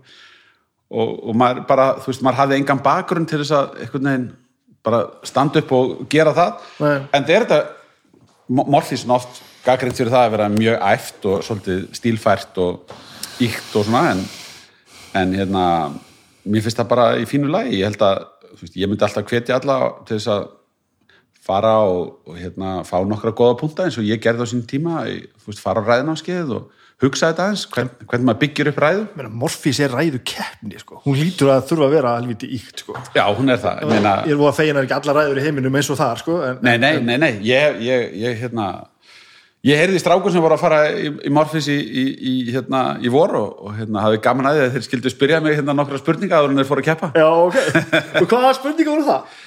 Já, þeir voru að fara að tala um spillinguna og, og hérna að þetta var úslita keppnin í, í hérna, Morfis og voru svona að segja ég, ég rakst á þetta kom nú svona bara tilfallandi sko og hérna og fór að spyrja mig hvern, hvern, hvað ég segði um það svona, þetta var nú bara svona alltaf léttu nótunum Já, bara, meira bara að fá eitthvað svona input í... Í rökin? Já, ekki, Með og á móti? ekki, ekki ræðu tæknina sem slíka. nei, nei, nei, nei, alls ekki það, nei, nei Já, já, já. Þetta var bara meira svona beina, ef þú ættir að, se- ef þú ættir að hjálpa okkur að, þú veist, raukst ég að og slá niður hugmyndin um að þessi spilling á Íslandi, hvað myndir hvað myndir nota sem dæmi eða, veist, eitthvað svona þetta var nú bara svona mjög tilfallan Það er ekki verið að ráða á garðin eitt sérstaklega lága þannig. nei, þetta stráka sér þekkti, sko Mm. Varstu þannig að hugsa um pólitík svona mikið þarna að þú færir í, í þetta þá eða? Nei, ég get nú ekki sagt það sko, ég get alls ekki sagt það. Ég, hérna, en þegar ég, þú fer að fá mig, svona, þvinga mig til þess að reyfja þetta upp, sko, þá, þá reyfjast það upp hjá mér að ég var formaður ungra sjálfstafsmann í Garðabæ og við vorum þar með svona lit, litla kompu á sínum tíma. Hvað er maður gammal slá? Þarna er ég svona uh, átján, eitthvað svona, Svona mentaskóla? já, á mentaskólarunum og við vorum þarna með litla kompu og, og eða það var bara félagsemil í sjálfstafsmanna, var svona lítil, lítil, lítil aðstæða og uh, gaman að rifjast núna upp fyrir mig þegar við sittum hérna að, að hérna, einu sinni þá fengum við Vilhjálm Egilson sem að var uh, hjá viðskiptaráði til þess að koma og tala við okkur um atvinnusköpun og hérna, vinnumarkaðin og það var mjög frólægt en þú veist, þessi sami villi kom og hélt ræðu hjá okkur á fundinum á lögadaginn Já, já, já. skilur við, það eru sko 33-4 ár síðan ég bað hann þá um að koma inn í Garðabæ þegar ég var formaður ungra og núna var ég hann formaður flokksins og hann kom aftur og flutti ræðu Skemmtilegt. Þetta er magna. já, Er þetta svolítið svona að það er ákveðna típur sem bara svona fara inn í þetta og lifa þá bara að anda þessu að sér alla æfi? Já, hann er náttúrulega magnaður hann Vili Egils eh, hefur verið alla æfi að, að benda á leiði til þess að gera betur og, og hérna auka lífsgæðin í landinu með alls konar hérna ólíkum eða, í ólíkum, svona hvað við að segja á ólíkum sviðum, hann er til dæmis eh, í nefnd fyrir okkur sem varðar uh, aðbúnað uh, á hjúkurnaheimilum og, og svona. Já, við erum að skoða hvað við getum gert betur fyrir þá sem eru komnir á efri ár og þurfa á umönnun að halda. Þannig að þetta er ekki alltaf spurningum um hérna, það að örfa hagvöxt. Menn þurfa að hafa lausnir á, fle á fleiri sviðum. Þannig í MR veistu hvað þú ert að fara að læra hana? Veistu hvert þú ert að stefna þá? Nei, ég get nú ekki sagt það sko ég, en, en, en hérna, ég var hérna á Elisvæði brautinni, Elisvæði 2 og hérna og var, var mjög mikið í íþróttum og svo byrjaði mér að leiðast námið því miður og hérna en, en sko, ég var svona í ákveðinni meðalmennsku þegar ég er að klára mentaskólan og leittist alveg rosalega á þriðja árinu. Mér fannst hérna, ekki gaman í skólanum þá. Uh, en svo klárum við þetta og og, og hérna og það sem að gróf um sig var tilfinningin sko, heyrðu, ég er hérna bara verðin að ég er að reyna að komast eitthvað áfram skilur, í staðis að svona, miskilningurum minn var heyrðu, njóttu þess að vera þarna maður og hérna, sjú, að sjúa þetta í sig og svona, þetta sé kannski daldið algengt hjá mörgum úlingum Já, þetta bara grandaði mér, ég komst Já. ekki í gegnum þetta eins og ég bara Já. fekk þessum nákvæmlega sem er tilsynningu og bara fuck it og hætti. Já, sko. það er akkurat, þú veist, það er verið að þvinga mig í gegnum eitthvað rör hérna sem mér langar ekkert að vera í en gott og vel, ég meina eh, gekk alveg ágætlega og hérna, frábær skóli og hérna, góða minningar og, og þó að ég hafi svona á þriðja árunu e, farið að láta minn leiðast að þá kláraði ég allt mitt og, og svo þegar ég loksins útskrifaði, svo maður loksins komið með hennar miða, komið með stúdinsprófið þá, þá hefði kannski eitthvað haldið, heyrðu, ok, þá, hérna, hættu nú að væla. En þá einmitt, sko, vissi ég ekkert hvað ég ætlaði að gera. Og, um, og en ég ætlaði í háskólan og uh, enda á því að fara í lögfræði sem var mjög gott val, ég hef alltaf verið sáttu við það Eitthvað sem að allir valdi það frekar en annað þá? Já, öruglega það meðal annars að pappi hafði farið í verið í lögmennsku og ég var ofta skottast á skrifstónu hjá honum og mér fannst áhugavert ímislegt og stundum tók ég upp uh, skjöl frá honum og var að grúska í einhver eldgömmul mál og Varstu skrítið? Afsakið, Nei, nei, sko, ég, ég, semst, ég, ég var að lesa í mentaskóla út á sk- gömlu skrifstónans pappa, hann var hættur hann var löngu hættur að praktisera Já, sem lögmaður. Já, ok. en þar voru gamli skjálaskjápar og hérna og stundu reyfi ég upp eitthvað, eitthvað málið og, og hérna var að skoða skoða hvað, um hvað þú veist var verið að takast á hvað, hérna, eða um hvað málið snérist hvað hann voru að takast á um. Og um, þá varstu kannski með eitthvað dóm og svo sástu öllu undirlegjandi skjölin og þetta var svolítið spennandi og nú bara, nú bara ljómar allir sem þú segir frá þessu Já, já, já, þetta er spennandi lögfræðin er alveg þræl spennandi fag Já. en um, hún er líka mjög krefjandi og getur verið mjög slítandi að vera í lögmennsku Já, já. Það er um, ég finn það á mörgum sem að er í kringum mig og, og hérna, hafa verið í lögmennsku síðan að, hérna, að þetta getur verið mjög slítandi erfitt starf Og hvað er leið fórstu gennum háskóla þarna? Fórstu, hmm, Já, ég fór í Háskólan Íslands ok. og, og svo langaði mig að fara út og ég fór eitt ár til Þýskalands og svo annað ár til Ameríku og, og hérna það já, já, það er bara alveg geggjaði tími geggjaði tími. Bara skoða heiminn og, og, og reyna að læra eitthvað. Já, einmitt, það er svolítið þannig sko. Hérna var aðeins að, aðeins að víka út sjóndeldarhingin og og uh, meina, mér finnst svona mið-Evrópa að vera rjóminn í heiminum nánast sko, þú veist, allt sem að allt sem að gerist í suður Evrópu, norður, Ítalíu sko, allt alparnir norður alpasvæðin og suður af ölpunum, þetta finnst mér vera toppurinn. Að hvaða leið? Það er náttúrulega bara náttúrufegurðin er, er óendanleg og þú ert komin út úr þess borgana og það er öll þessi litlu þorp og fjölbreytnin, veist, það er mataframleyslan, það er veðursældin, það er það að geta farið í fjallgöngur og á skíði en líka, þú veist, notið sumrana hérna við vötnin, það er vínframleyslan svo ertu með sko aðliggjanda ölpunum öll þessi ólíku lönd allt frá sko Liechtenstein sem er náttúrulega bara eitt lítill dalur og Sviss yfir í þú veist, Norður Ítalíu þú veist með Sviss og, og hérna Þískaland og, og hinum megin er stutt yfir í sko Austur-Evrópu Austuríki uh, Ungverjaland, ég meina öll þessi lönd á þessu litla svæði, þú getur sest upp í lest og skiptum menningarheim bara á nokkrum klukkutímum Við finnum, finnum þetta rosalega stert að því ástæði fyrir ég spurði svona meira út í þetta því að ég er svo innilega sammálaði sko Já. Við finnum þetta svo mikið fyrir um að túra með skálmöld sko mm. að þá tekur gig sko um kvöldið Já. og svo bara druslast upp í rútuna áður og leggur að stað. Já, og svo ferur bara svo í kóinuðin og vagnar á næsta stað. Já, og rútan hefur kannski fært sig um 5 klukkutíma eða eitthvað. Já, og þú ert gjörsamlega komin eitthvað allt annað sko. já, þetta er magnað. Svo bara spilar hann í kvöldið, drullar aftur upp í rútuna og leggur þig, það gerir sjálfsagt eitthvað henni mild Já,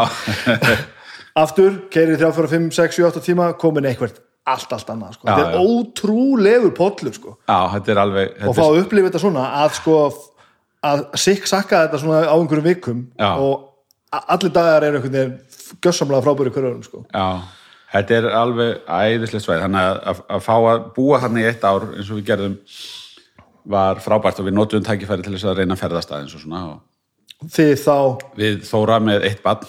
Já það er bara komið þarna strax. Já, við eignumst barn mjög ung. Ég var 21 og hún var 20 já, já, já, þannig að við tókum með okkur stelpuna út og, og hérna, hún fór á leikskóla og það gekk allt vel það gekk allt ágætlega sko. var þetta ekki svolítið stór pakki er Jú, jú, alveg hellins stór pakki. Ég menna strákarnir sem voru með mér í þýskunáminu hérna, tókum einu sinni svona í kaffilínu. Þú veist, við erum allir bara 25 ára eða eitthvað svona. Og bara þeir eru áttuðu sig á því ég væri hérna með konu og barn. Þá sagðu þeir bara, Bjarni hérna fyrirgeðu hva, hvað gerðist?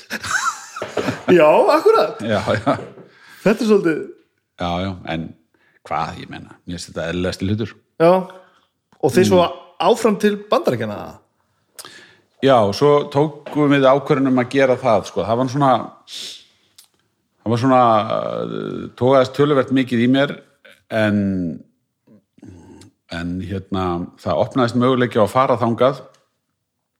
Og skóli sem að hérna, ég átti vini sem að voru að fara þangað og, og aðra sem höfðu verið þar og fekk semst mjög góða umsögn og ég stóð frammi fyrir því að hérna, ef ég yrði áfram í Þýskalandi þá myndi ég að minnstakosti þurfa að vera sagt, eitt ár til þess að ljúka þessari gráðu sem ég var að vinna að. Og jafnvel lengur en ég myndi alveg öruglega geta klárað einu ári í Ameríku. Og við sem bara, heyrðu, ef ekki bara gera það? Og, hérna, og fá þá upplifun líka. Eitt ári í Þýskalandi, annað í Bandaríkjunum það er svona hérna, ákveðin luxus að geta bara leift sér að gera það. -hmm. og við slóum bara til og, og hérna og áttum annað frábært ár þar góðu voruð fólki. Inn á Miami. Miami. Já, já, við vorum þar inn í, inn í hérna, svolítið inn í landinu, inn í hverfi sem heiti Kendall, en, en hérna svona, maður var svona hálftíma í skólan á mótnana, Já, tók áttur rútuna heim og, og hérna fór í stuttbuxum í skólan á hverju minnsta degi, eða ég var að miskvæst í stuttum að ból, ég fór aldrei í peysu í skólan í heilt ár, sko. já, já, já. bara aldrei. Þetta er ekki raunveruleiki sem að þekki sko. Nei, en kemur bara góður skóli, litlir bekkir, flotti kennarar. Eh, skemmtilegt. En uh, ég var eh, sko ég var að segja se- sko, þarna var ég fann að kunna njóta þess að vera í náminu, þú veist bara hérna, sökva sér í það sem að manni fannst virkilega áhugavert og svona aðeins að slaka bara í þessari stöðu. En ég var náttúrulega orðin mjög hérna, komið með batn og svona á námslánum uh, var orðin mjög, ég fann að það var orðin mjög tímbært að fara að komast heim í fast starf. Já, ok. Eða eitthvað í fast starf. Það er svona frekar ólíklegt að maður fari beint að vinna sem lögfræðingur á grundvelli íslenska lagaskirtinni sinns sko. Já, já, já það hefði þá, maður þá þurft að hugsa það eins betur. Eða fara bara að vinna við eitthvað allt annað. Og hvað gerist þá hana? Það var auðlist starf hjá Eimskipafélaginu þar sem að vantaði mann í tjónadeildina. Og ég hafði nú verið aðeins að stúdera bæði hérna í háskólanum heima og í náminu úti hluti sem að verðuðu alþjóða flutningaréttin og, og það hérna kveikt í mér aðeins að kynnast í og hérna hafði verið ég hef alltaf haft svolítið gaman af svona, já, alþjóðlegum vöruviskiptum og öllu sem að tengist í líka, logistíkinni og þessu. Eimskip var líka mjög góður skóli. Það er hérna held að kannist margi við það sérstaklega frá því að Hörður Sigurgesson kom þar inn, hann var nú komin svona auðvitað langt inn á sinn starfsferil þegar ég kem þangað en, en einskipafélagi var í farabróti fyrir auguðum vinnubröðum og hérna og maður sá það fljótt þegar maður kom inn að það voru svona hlutinu voru í mjög föstum skorðum maður verið að vinna eftir gæðastöðlum og slíkt. Þannig að það var mjög gott fyrir mig nýjútskjöðan að læra það sem að, maður fekk út úr því. Og ertu, ertu þarna strax orðin þessi, þú veist þessi sem svona gengur einhvern veginn inn og fyrir að láta því taka, þú veist, ertu ertu, ertu farin að horfa gaggrinni á allt sem er að gerast þarna?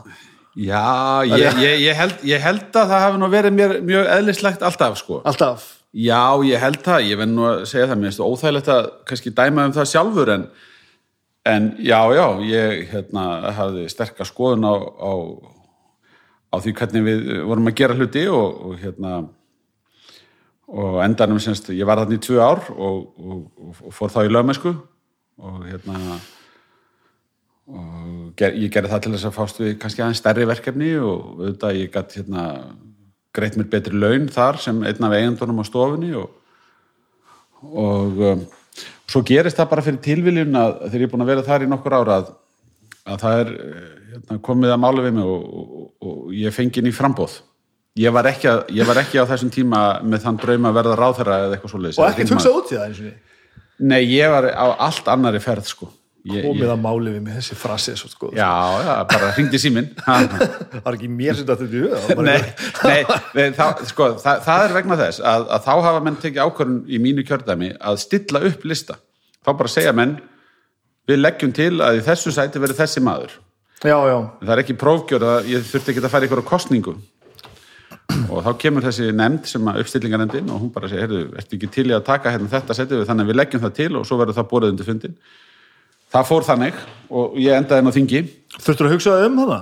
Já, já, auðvitað, auðvitað þurfti ég hans að hugsa um og, og hérna en ég hef svolítið ég meina, ég, ég, þessum árum ég var daldið til í að láta slag standa skilur veist, ég vissi ekki alveg hvað ég var að gera þegar ég fór til Þýskalands eða nákvæmlega hvað ég var að gera þegar ég fór til Bandarækjana sko, og, og hérna meiri segja þegar ég fórum til Þýskalands við vorum bara mættum út á flugvöld með ferðartösku og veist, ég átti ekki bókað herbygginu sinni, sko. bara, við, þetta reddast, sko. við, við bara finnum út úr þessu.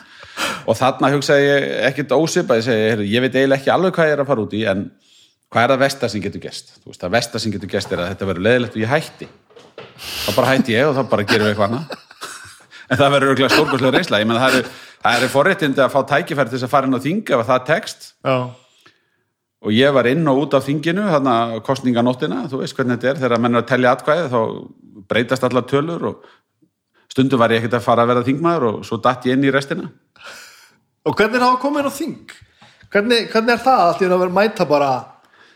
Já, það er sérstakur staður auðvitað, mjög, mjög, mjög, mjög sérstakur og, og þú finnur hefðina leka af veggjónum þarna. Þú veist, það er, það er náttúrulega þú veist háttvirtur þingmaður þú veist, allt þetta þú beinir orðiðinu til fósetta þegar þú ert að tala í ræðustól og og uh, öll þessi þingskjöl þú veist, allt skrifað út og, og hérna formlegi þingflokksfundir þar sem að menn byggðum orðið til þess að koma sinni skoðun á framfæri og ráþærætni koma með málinn sín og segja, getur við ekki verið sammálum að setja þetta í lög? Eh, þetta er alveg bara sér heimur það er bara þannig eh, en mjög áhugaverður og, og hérna ég kem inn þegar Daví Oddsson er aðal maðurinn já, auðvitað, hérna, gríðarlega sterkur leiðtói og var enn á þessum tíma og, og þetta er kjörtíðanbilið sem að hann fer í síðustu kostningarnar þegar ég er að koma inn. Já, og um, hann veikist á því kjörtíðanbili en við hérna, fyrstu tvö árin þá var hann mjög aktífur og, og hérna, var, var í slagnum -hmm. og hérna, mjög gaman að læra af honum á þeim tíma hvernig hann hvernig, maður, maður læriði hratt sko af því hvernig að vera í samskiptu við hann vegna þess að, að maður hafði áhyggjur af því að einhver nefnd ætlaði að vera með eitthvað vesinn og hann bara hló sko eða yfti öxlum og sagði bara já, já, leiðum bara að sprikla sko þegar, þegar við erum með meira hluta atkvæðina hérna og þetta skiptir einhver máli sko. Það eru menn að spila leikin svo. já, já, hann var, hann var snillingur að spila leikin já, já. er það gott eða slæmt? mjög gott fyrir leiðtoga stjórnmálflokks og, og þann sem er að stýra ríkistjórn og er með meira hlutan á þinginu þú verður að kunna leikin og þú verður að þú verður að skilja hvernig þú lætur ekki það niður þig já, já, ha, þú, menna, þú veist, þú, þetta, er valda barátta inn á þingi já er þetta ekki það sem er að fæla svo marga frá? Án vafa, án vafa er það. Og við vitum það öll sem erum á þinginu að við gætum hérna, við gætum einhvern veginn e, nýtt tíman betur, við vitum það. En, en, en, en, en stór hlut að því að fara illa með tíman er að, er að hérna, koma í vekk fyrir einhver annar nái sínu fram, veist, það er bara það sem að gerist. það er svo rosalega pæling sko. Já, ég veit það, ég veit það en hérna hvað hva, hva getur maður sagt sko? ég, ég held að við höfum ekkert við höfum ekki fundið upp neitt annað betra form nei, nei, nei. og uh, að því að sko það sem að er sjaldan rætt í þessu sam, sam, sambandi sko er það að, að sko það sem þetta snýst um í raun og veru er líðræði það er að segja að það sé hæfilegt tekið, tillit tekið til þeirra sem eru ekki meir, í meirlutanum að þeir fái að koma sínum sjónamiðum að og þetta sé ekki að völdin séu öll hjá meirlutanum sem gerir það sem honum sínist mm -hmm. e, það sé eins og er í hlutafjölugum heitir það sko minni hluta vend og í hvert sinn sem að við ræðum um það að segja sko, heyrðu, ef við ekki hætta með þessi málþó við skömmtum bara tíma og hérna, þá segir alltaf minni hlutin á þingi og er mjög skiljanlega og ég hefði sagt það sjálfur ég hef verið í minni hluta á þingi. Um, og í stjórnarhansstöðu að þá segir sko minni hlutin, heyrðu býtu, ef við semjum um allt þetta þá gerir þið bara það sem ykkur sýnist og við skiptum ekki lengur máli. En það eru sjónamið sem við viljum að komist að og við viljum kannski tala til fólksins í landinu þannig að augu ykkar opnist fyrir göllunum á málum.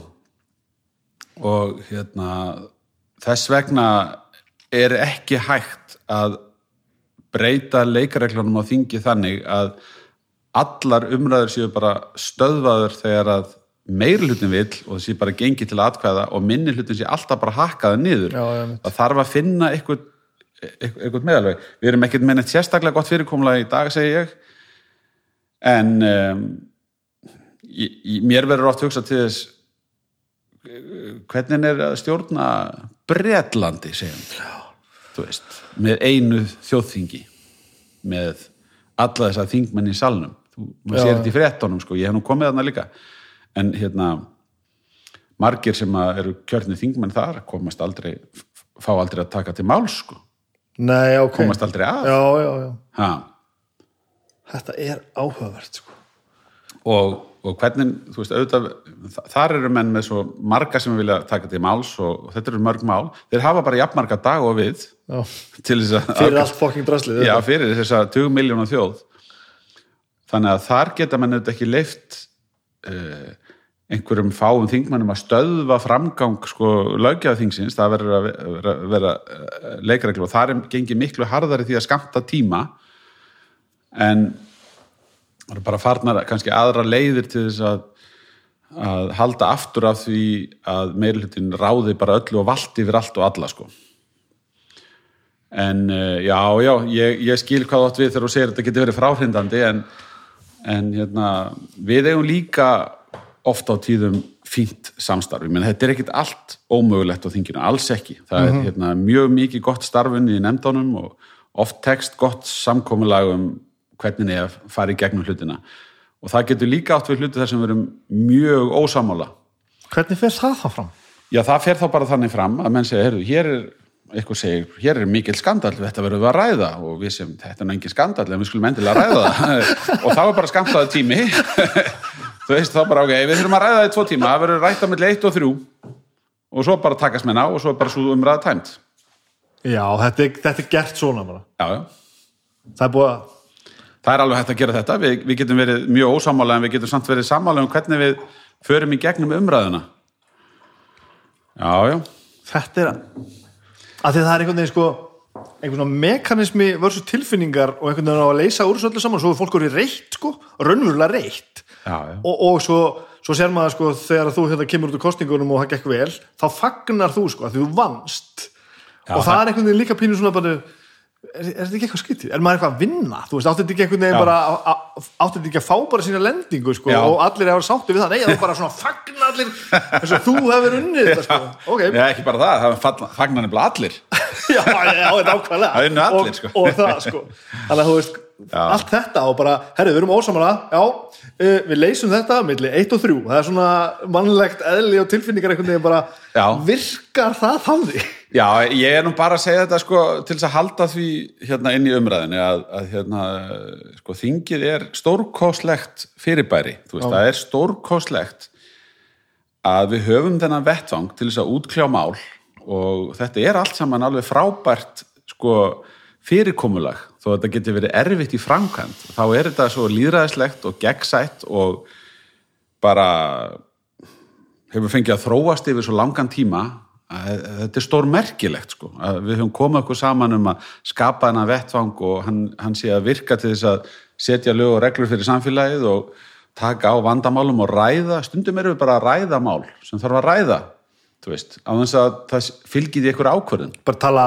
tala út um málin já, já, já, bara ástandið í þessu eða, þú veist, atvinna ástand á suðunni sem ræðum það. Já, já, já. um, þetta er þetta stórkostlegt fyrirbæri og maður má ekki gleyma því þó að þetta geti sínt sínar vestu hliðar oft og það rati í fjölmiðla að þá verðum við að halda líka þú veist á lofti því sem er svo jákvætt og, og hérna, uppbyggilegt við þetta. Þetta er, þetta er líðræðist tól. Sjáðu, sjáðu skellina sem við höfum farið í gegnum hérna síðan, síðan bara segjum í fjármálarhunn þetta var rosalegu skellur og, og hérna uh, atburður sem að gerist ekki oft í lífi einna kynsluðar sem betur fer, segi ég vonandi ekki aftur. Þinghúsi grýtt, dómkirkjan grýtt. Ég, ég var þar og, og hérna sá hnullungan að koma í gegnum kirkjuglerið sko. Og en við notum þingið og kostningar til þess að greiða úr þessu halda fólki ábyrgu spyrja spurninga leggja fram tillögur greiða um þar atkvæði og smám saman veist, greiðist úr flækjunni og við höldum áfram -hmm. án þingsins ég veit ekki hvernig við hefum átt að hérna, vinna okkur út úr þessu sko. Bara í stjórnleysi mennur, hvað myndi gerast? Já, ég er bara að meina að þú veist að hérna, sumstaðar þar sem að menn búa við kannski til dæla valda lítið þjóðþing og eru, eru með hérna, valda mikinn einræðisherra sko, sem að segja fólki bara hvernig þetta er að vera, ég meina, mér líst ekki á ástandi til dæmis í Ukrænu mm -hmm. við annars staðar, einu sinni fórum við til hérna, einu sinni fórum við stengur og jóð saman til Nicaragua það var nú aldrei mögnuð upplifun. Og ég hef séð í fréttonum að undarförnu um, talsvita fréttum sko þar sem að hann er að láta til sín taka. Uh, fórsetin þar sem að bauð okkur heimdi sín. Og hérna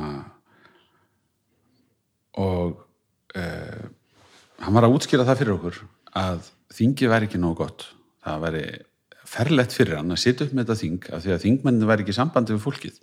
Og til þess að leysa þennan vanda hefði hann komið upp borgararhefingum út um all land og hann let þær fá völd til þess að taka stórar ákvarðanir. Þær veru beint undir honum hann væri að láta að hafa fjármagn og völd og þetta veri miklu betra fyrirkomulag. Sagða bara hreint út? Já, já, já, sandanistar hefingin hérna hann Ortega er hérna e, sem sagt var að hann sagði bara beint út hvernig hann í raun og veru hefði enga trú á þingmannunum og þingi væri ekki að standa sig. Hann er ennþá þarna, sko, við vorum þarna 2008 líklega. Hann er ennþá þarna og ennþá er hann að grafa undan stjórnarnarstöðunni og beita ofríki sínu las yfir okkur þarna í heimsókninni til hans, þá las hann yfir okkur í löngum pisli hver, hver, hversu mikil skömm var að því að hann, hann sæti upp með að vera að tala spænsku þarna, það verður nú bara vegna sem menn hefur ráðist inn í landið og tekið það yfir og mulið allt undir sig og þeir verður ennþá að vinna úr þeim hörmungum öllum og, og Vesturlönd skulduðu þeim hérna, afsökunarbeðni og e, í raun og veru Evrópa bandaríkin, hann beindi orðin sínum mikið til bandaríkjana og Hugo Chávez kom í heimsókn meðan við vorum hérna. Sáum hann, við sáum hann byrtast á, já, já, hann byrtist á hérna, hafnaboltaleik þegar við, við fórum á hvernig var það svo að tala við hann þarna? E, leiður eins og hann væri í góðum tilgangi? Eða er þetta bara valdakar græki og brjálaði heldur að hann trúi því að hann sé að, að gera fjöldanum gott? E, Já, ég held að í aðra röndina trúan því en ég held líka að hann sé með mikil mennsku brjálaði og trúi því að hann geti leist þetta allt einn og óstuttur og þurfi ekki á líðræði að halda. E, Þannig að mér fannst hann vera maður með mikil mennsku brjálaði sem er ekki gott sko. En e, en e, er- þetta er- En mér, mér finnst þetta bara svo, þetta bara rifjast upp að þetta hefur verið aðeins í fréttunum að undarförnu að, að hérna að hann er enn að milja þarna undan semst líðræðinu og uh, og maður satt þarna bara í fórsetahöllinni hjá honum. -hmm. Svolítið, það var daldið merkileg upplifun. Við vorum, þannig að það komi nú fram við vorum þarna semst með sendinemnd á vegum saminuð þjóðana, það var það heitir World Food Program og við fórum til Venezuela, nei til Nicaragua til þess að til þess að uh, fylgjast með því hvernig þeir koma matargjöfum út í, í þorpin, út í sveitunum til maðra sem að koma með börnin í, í hérna, mæðravend og, og heilsufars skoðun það var verið að vikta börn þarna og konur sem komu með heilsufarsbók fyrir börnin sín og letu fylgjast með heilsu barnana reglulega fá bólusetningu og hérna, almennt eh, almenna skoðun fengu í staðinn matargjafir sem var nú í grunninn bara eitthvað svona grautur mm. duft sko til að hræra upp. Og það var kvati fyrir þær til að koma. Ef þær fengu matinn þá komu þær með börnin og það tryggði betri helsu barnana og móðurinnar. Og ég segi mæðurnar komu en þetta voru bara konur sem komu með börnin sín og, og maður sá alla pappana eða kalla þarna verðan þess að þeir voru allir eitthvað starf að týna kaffibunir Já, týndu kaffibunir fyrir 5 dólar á dag þetta er veruleiki sem að bara, maður getur ekki ímyndað sér sko. Já, þannig að, en, þannig að við klárum nú semst, þennan ring til Nicaragua þá er þingið stórkostlegur vettfangur og hefur auðvitað verið hotsteinn í okkar samfélagi mm. og þa það verður maður alltaf að muna þrátt fyrir að hérna, þetta getur oft dottinir á eitthvað skrýpastig og, og fólki, fólk tapi allir tiltrú á, á, á, á flokkana og, og hérna, störf þingsins að þá er þetta þá er þetta hérna, alveg stórmerkilegur vettfangur og, og hérna og já, ef, þó við horfum ekki nema bara aftur til ásins 2009 þá höfum við komist hérna í gegnum ótrúlega erfiða tíma og rifið okkur aftur upp sem samfélag þar sem að þingið stjórnmálastarfi í landinu hefur verið eins og dreifskaftið í þeirri vel sko. Þú sem sjálfstæðismæða með, með mjög svona sterkar skoðanir og, óbúslega vissum þar greinilega allar uh, myndið þú semst ekki vilja það að þið væru bara þannig inni að ráða þessu bara öllu Nei, ég held að það væri mjög óheilbritt sko.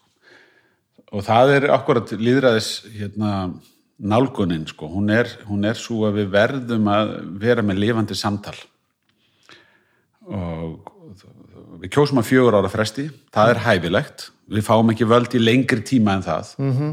Og stundum höfum við ekki einu svonni haft úttalt til þess að klára fjögur ár uh, kosið oftar. Um, en en, en stjórnmálaflokkarnir gegna gríðarlega mikilvæg hlutverki, þeir verða að vera í sambandi, þeir verða að vera sagt, í gangi takt við samfélagi, Sjá, sjáum, sjáum bara stjó, sko söguna, nú er ég að fara hérna aftur til 2009, það var margi stjórnmálaflokkar komið fram á sviði síðan þá. Mm -hmm. sumir hafa horfið eru ekki lengur með sumir hafa umbreyst yfir eitthvað annað ég menna, borgarreifingin varð reifingin og mér sínst að stórluta reifingunni hafi endað inn í, inn í píratum Við vorum með frjálslindaflokkin hérna á einu tíumpunkti sem að fjallaði mikið um sjáræðismálinn og, og já, var aldrei uh, í velferðamálum svo sem líka en, en hérna er ekki lengur með fulltróðu þingi og, og Björn Framtíð kom í stuttan tíma og, og náði ekki aftur á þing. Svo er þessi nýju flokkar, miðflokkur, viðreist, nú sósélistaflokkurinn. Það er rosalega mikil gerjun aðna og uh, og uh, það sem að ég er að segja er að ef að flokkum mistekst að stíga ölduna með samfélaginu og vera sagt, í tengslum við fólkið þá bara það, sko, þetta er ekki þannig að sjálfstæðarflokkurinn hafi verið svo sterkur einhver tíma þess að verða hann alltaf sterkur þetta gerst Nei. ekki þannig Nei, nei. það þarf að hafa fyrir þessu hverjum degi og þetta segir við þá sem að segja við mig sem formann Býtu, af hverju er fylgis ástæðarflóksins ekki 35% eða 8% eins og einu sinni var? Já, núna er árið 2021 og það eina sem skiptir máli er að það eru kostningar og þetta er staðan. Eh, af hverju? Já, það er bara svona margt breytt breyst, sem að hefur breyst. Meina, kannski hefur okkur ekki tekist jafnvel og við einu sinni gerðum að ná til þess fjölda fólk sem við þá gerðum en, en það er ekkit annars var við því en bara að halda fram að berjast. En það er engin annar tekið yfir sko, það er bara atkvæðin hafa sundrast það er rosalega mikil sundrung á sviði stjórnmálana núna. Já, og opbúslega mörg já, ég er ekkert að segja það í neikværi merkingu en, en þetta eru svona næstu í flokksbrot þegar að veist, fylgi er á milli 5 og 10% stig, þá er þetta e, þá, þá er þetta kvarnast mjög víða sko. Heldur að, það, heldur að þróunum verið áfram þess átt? Að því að Ég hef ákveðnar áhyggjur af því, sko. Ég hef ákveðnar áhyggjur af því, af því að mér finnst þetta... Ég, held að það sé ekki til þess fallið að auka mjög tiltrú á því sem að gerist á þinginu að hérna, það þurfi sífælt fleiri og fleiri að koma að málamiðlunum um einhverja stefnu. Ég, ég vil þá frekar hafa skýrt uppgjör. Svona daldið andaði sem að maður sér annars það, sem að menn eru svona annarkvort að kjósa aðeins svona miðju hægri eða miðju vinstri þú veist, og, og þetta sjáum við í Breitlandi og mjög stert í Danmörku og, og svo framvegis og það sé þá bara eitthvað uppgjör við eitthvað stefnu sem á sér staði í kostningum en, en e, þetta, þetta verður mjög, mjög mikið flóknara sko þegar að, þegar að það þarf kannski fjóra-fimm flokka til þess að mynda ríkistjórn Já, oft sér maður ekki alveg nákvæmlega af hverju þetta, þessi hérna ætti ekki bara að vinna saman sko. Já, já, ég menna eins og ég segi það, við, við brutum blað í stjórnmála sögunni með þeirri ríkistjórn sem að núna starfar og mér finnst, enna, mér finnst að þessi stjórn hafi staðið sér vel uh -huh. og ég er líka mjög opinn með það að, að hérna, ef að þessi stjórn heldur áfram meiri hluta þá finnst mér að það sé eðlilegt að við ræðum saman um það að halda áfram að vinna saman. Ég er ekkit að segja að það sé sjálfgeð að það takist en það finnst mér þá að hljóta að vera svona náttúrulegur fyrsti valkostur. Uh -huh. um, en í millitíðinni þá erum við bara í kostningabaratu á fókingvöldu já, við erum út um allt. Hvað hérna gerir svo hann inn á þingið og kemur inn? Finnur þið strax þegar þú varst að byrja það finnst þið þetta strax? Já, mér fannst ef ég á að vera alveg hinskilin mér fannst uh, mér fannst ég ekki að hafa rosalega mikið að gera til að byrja með. Og það það leiti kannski að hluta til að því að, að þannig er komið ný ríkistjórn og það tekur hana tíma að koma málum inn á þingið. Og ég var þarna formaður í nefnd og mér fannst ekkert mikið að gera í nefndinni minni og þingið var svona fyrir, fyrir rólega stað og, og maður er svona að finna sig síðan kom eftirlauna frumarpið sem var mjög stort mál og, og, og ég mann ég sagði þingfloknum eftir að það kláraðist að, að hérna, ef ekki hefði verið fyrir þetta mál þá hefði mér bara verið að fara að, að leiðast þarna á þinginu sko, því að eitthvað var, var ekki nóg mikið komið á stað. Svo breytist það og hérna, þetta er mjög klassíst að, að þing fer ofta rólega á stað strax eftir kostningar. En, en já, já, ég fann mig ágætlega, ég fann mig mjög vel sem formaður í nefnd, þannig að allsérnefndinni, mér fannst mjög skemmtilegt að fást við ólík mál og ég vil nú meina að mér hafi gengið bara ágætlega að leiða saman ólík sjónamið hlusta mm -hmm. uh, flokk, allir flokkar með fulltrúa inn í nefndunum og, og um, en svo, svo, svo eru summál þannig að, að, hérna, að það eru mjög sterkar skoðanir og það er útilokað að ná málamilun við til dæmis breytum kynferðisbróta kapla hegningalagana og það var, það var hérna það var verið að þingja refsingar og, og, og fleira slíkt en, en ég man eftir að við það var verið að takast tölvert á það sko, hversu, í hversu langan eða hversu lengi eftir að brot verð framið það ætti að teljast fyllt sko. Þetta var eitt af því sem við vorum og maður tekur svona bara mm -hmm. úr, úr kollunum á sér eitthvað svona minningabrot sko frá þessum tíma þar sem að, að bara reyndist ómögulegt að finna sátt en við gerum mjög mikið af því að leiða mál eh, svona að leiða ágreining í jörð og, og, og bara vera sammála. Það eru mörg svona mál sem eru bara stopp eitthvað starf sem við getum bara ekkert sem við erum vera óanægja með en við erum ekki að leysa einhvern veginn?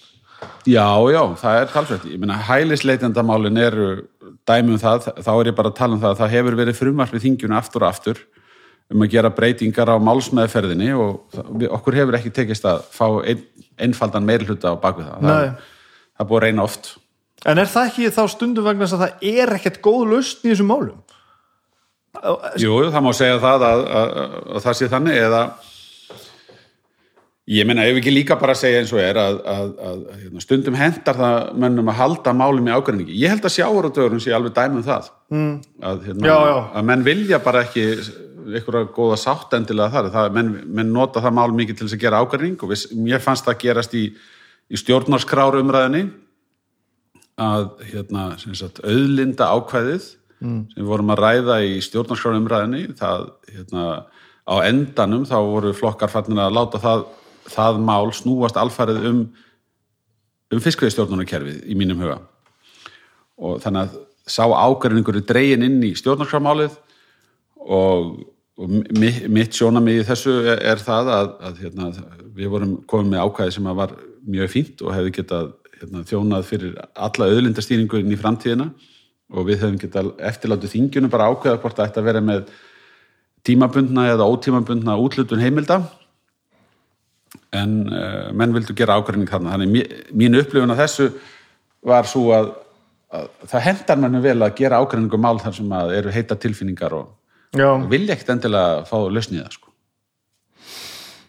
mér sko, ég, ég, svo ég segja hann alveg hreint út, ég held að ég sé meira umgangast fólk sem að er frekar illa við heldur um vel. Samfélagsmiðlandi mínu segja mig það allavega svona að það eru fleiri að, að maka saura á þig heldur en að mæra þig, sko. já, já. Þ- þar líður mér svolítið sko eins og þetta snúist líka bara um það að fólk vill bara ekkert semja við til dæmis þig eða þú veist hver sem það er. Já, já, að bara að það komið eitthvað svona afl og eitthvað andlit og einhver persóna sem stendur fyrir eitthvað já, já. og allt sem þú segir er rámt og þú ert spiltur inn að beini og við hefum ekki að hlusta á neitt sem þú segir. Þa, það er það sem ég sé oft sko, í fí- fítunum mín á Facebook. Já, já. og er það ekki svolítið þetta sem stýrir því að það er ekki að ná nefnir sátt? Ef að fólk er ekki, þú veist fólk kemst ekki eins og inn fyrir þetta eða er það kannski bara meira við þannig úti á göttunni sem að hugsa um svona? Jú, jú, það er alveg það er öruglega eitthvað til í því hjá þér að þegar það er búið að hérna, tala sér alveg út í hot með allt þetta þá er það bara orðin glæpur út af fyrir sig að, að, að leita samstarfs eða reyna að finna lausnir. Akkur það sko.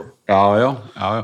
En, en sko að þegar við vorum að tala um þetta áðan að, að sko, þú getur ekki sveiflað bara einhverju línuriti og sagt fólki að þetta sé málið að þá, að þá, þá er það auðvitað staðarind að fólk, fólk sko hérna, ráðstafar atkvæðum sínum og, og, og hefur tilfinningar sem, sem að stjórna því hverjum það treystir og ekki. -hmm. og þetta, við erum undirselt þessum lögmálum öllum sem að förum í, í stjórnmálin og ég átta mig alveg á því að það eru margir sem að hérna, myndu aldrei kjósa mig. En, en, en ég get ekki sko, farið að sofa með áhugjör á því. Mitt verkefni er að, er að hugsa um að reyna að stækka þann hóp sem að gæti Já, já, já. hugsa sér að vera á bakvið okkur í sjálfstæðarflokknum og hérna, vill koma með okkur. Um, því ég var að tala um það hvað flokkurinn var sögulega sterkur á þingi með sín 35% þá er það nú samt þannig þá sko. Þá ertu með 65% sem, sem eru annars staðar. Ekki þannig að þeir séu sko hérna í einu og öllu alfarað mótið þér en þú ert ekki í meiri hluta sko. Nei, mitt og þetta finna menn, finna menn fyrir því.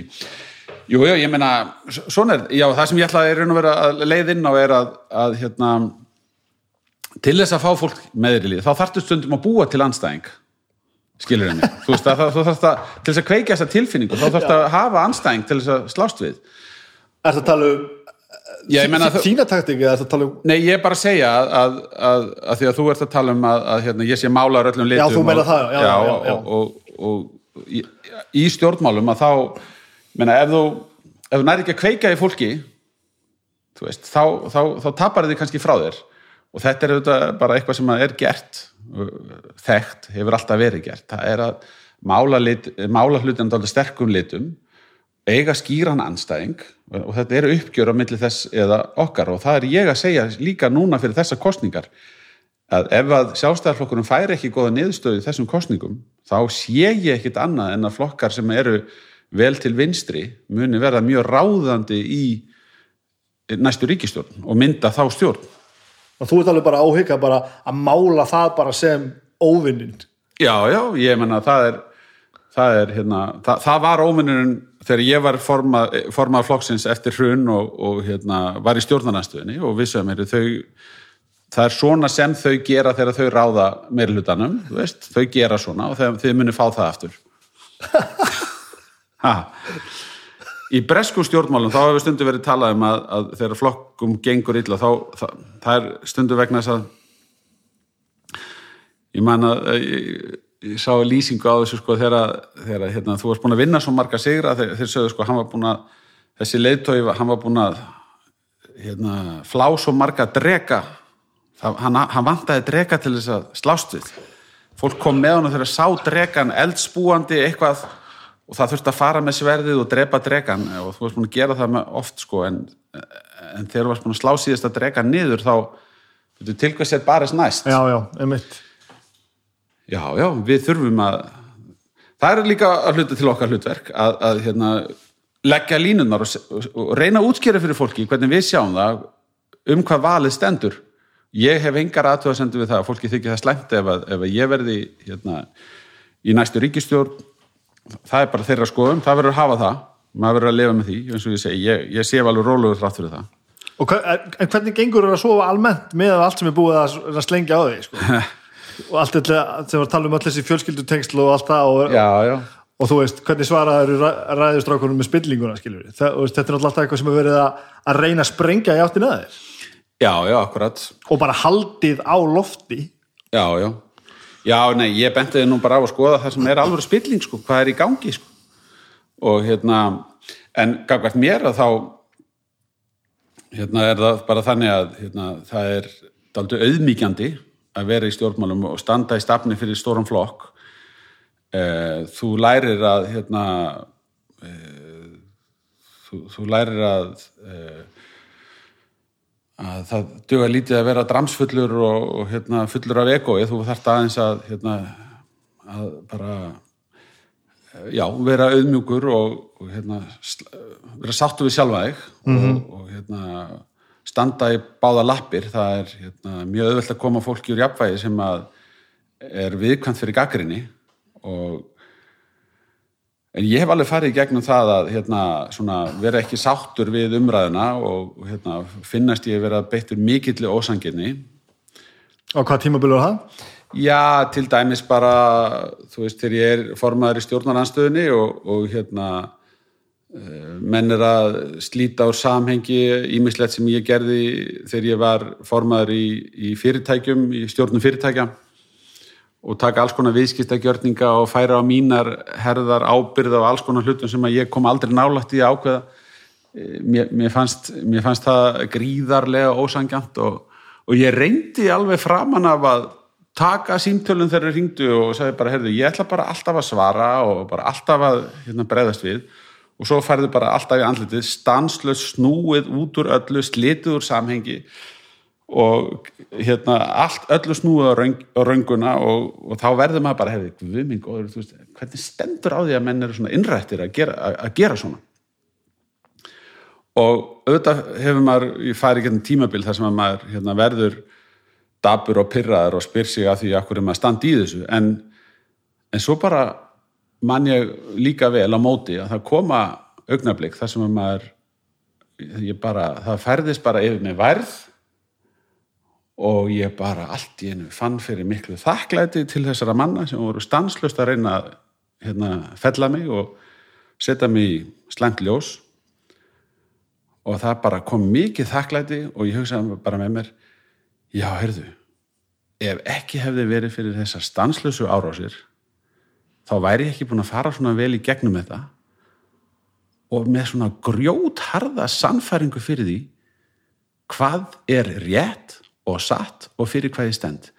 Og rúsalega er öflugt öflugt að vera með þessa grjóthörðu sannfæringu því að núna þegar ég fer út og fer að tala mínu máli og berjast fyrir okkar stefnumálum þá eru þeirra fást við bara allt annað mann sko. Miklu harðari miklu betur þjálfaðan mann sem er búin að hugsa þetta allt í þaula. Ég hef bara ekki fengið þess að góða æfingunum með það hefði verið á hælanum á mér ég hef ekki hlaupið svona rætt sko ég hef komin í topp form og, bara, og bara þakklætti til þeirra sko Hvenær, líður, hvenær er þessi tilsvinning að koma yfir því? Hvað, hvað er þetta bara... langt tímabil sem þú ert að velkast í þessu? Ég man eftir þessu ég man eftir þessu þarna á þessum árum eins og ég segi, þú veist, 2011, 12, 13 eh, gríðalega mikið verið að hérna, skrifa um viðskipt árin á þeim tíma, reyndar gerist það líka fyrir síðustu kostningar að, að þeir hérna, fóra að byrta uh, skjöl sem er komist yfir úr bankagögnum. Og, og þá bara bjó ég að þeirri reynslu. Ég bara, já, já, ég meina, þú veist ég veit hvað er satt, ég veit hvað er rétt veist, það er bara Hvað er þá verið að reyna að gera? Að, að snúa því upp á að þú hafir komið einhvers til leiðar þannig að þú og þínir hagnist á því í persónulega Já, eða ég beri ábyrð á því að, að einhverjir hafi tapað miklum fjárhæðum og einhverju slíku sko, eða hafi verið glanni eða ég hafi verið í braski og svona. Það var nú einn fyrir sögnin, Bjarni braski, þú veist, á Macau held ég hafi átt að vera. Og þá fórum enn mjög mikla krókalið til þess að tengja mig við, við kaupa á einhvern luxusturnum uh, á því svæði.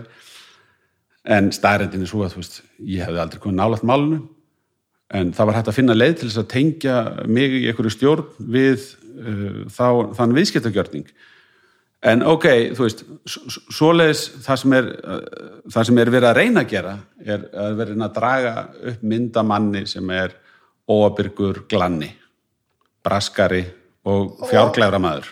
Og, og alveg óheiðarlegur líka sko. Já, já, já, já.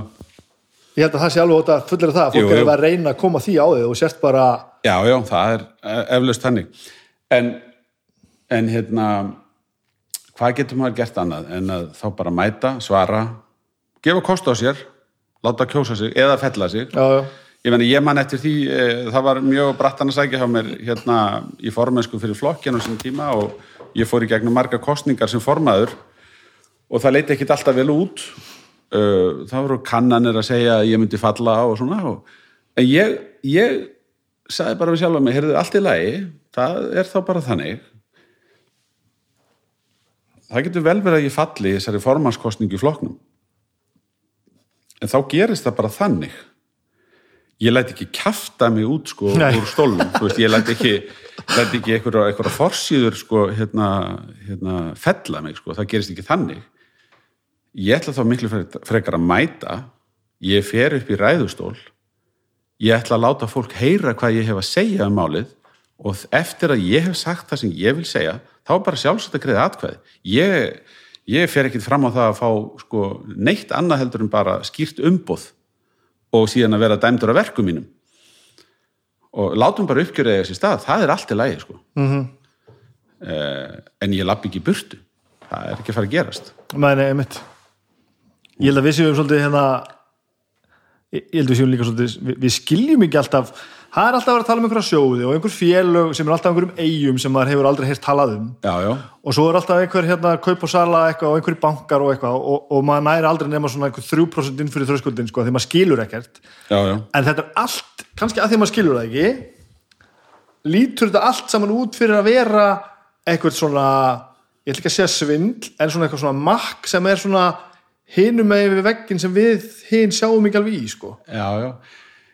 Og það skil ég vegna þess að langflestir Íslendingar ganga bara til sinna vinnu reyna að vinna sína vinnu vel eru með sín mánaða laun eru að byggja upp sín æfisparnað vilja standa í skilum með húsnæðislánu sitt komast í þryggja vekna frí á sömurinn til útlanda kannski kaupa sér bíl eftir aðtökum síðan sumarhús og, og sömur fara í golf og aðri fara í fjallgöngur og eru einfallega ekkert í einhvern svona gerningum sko.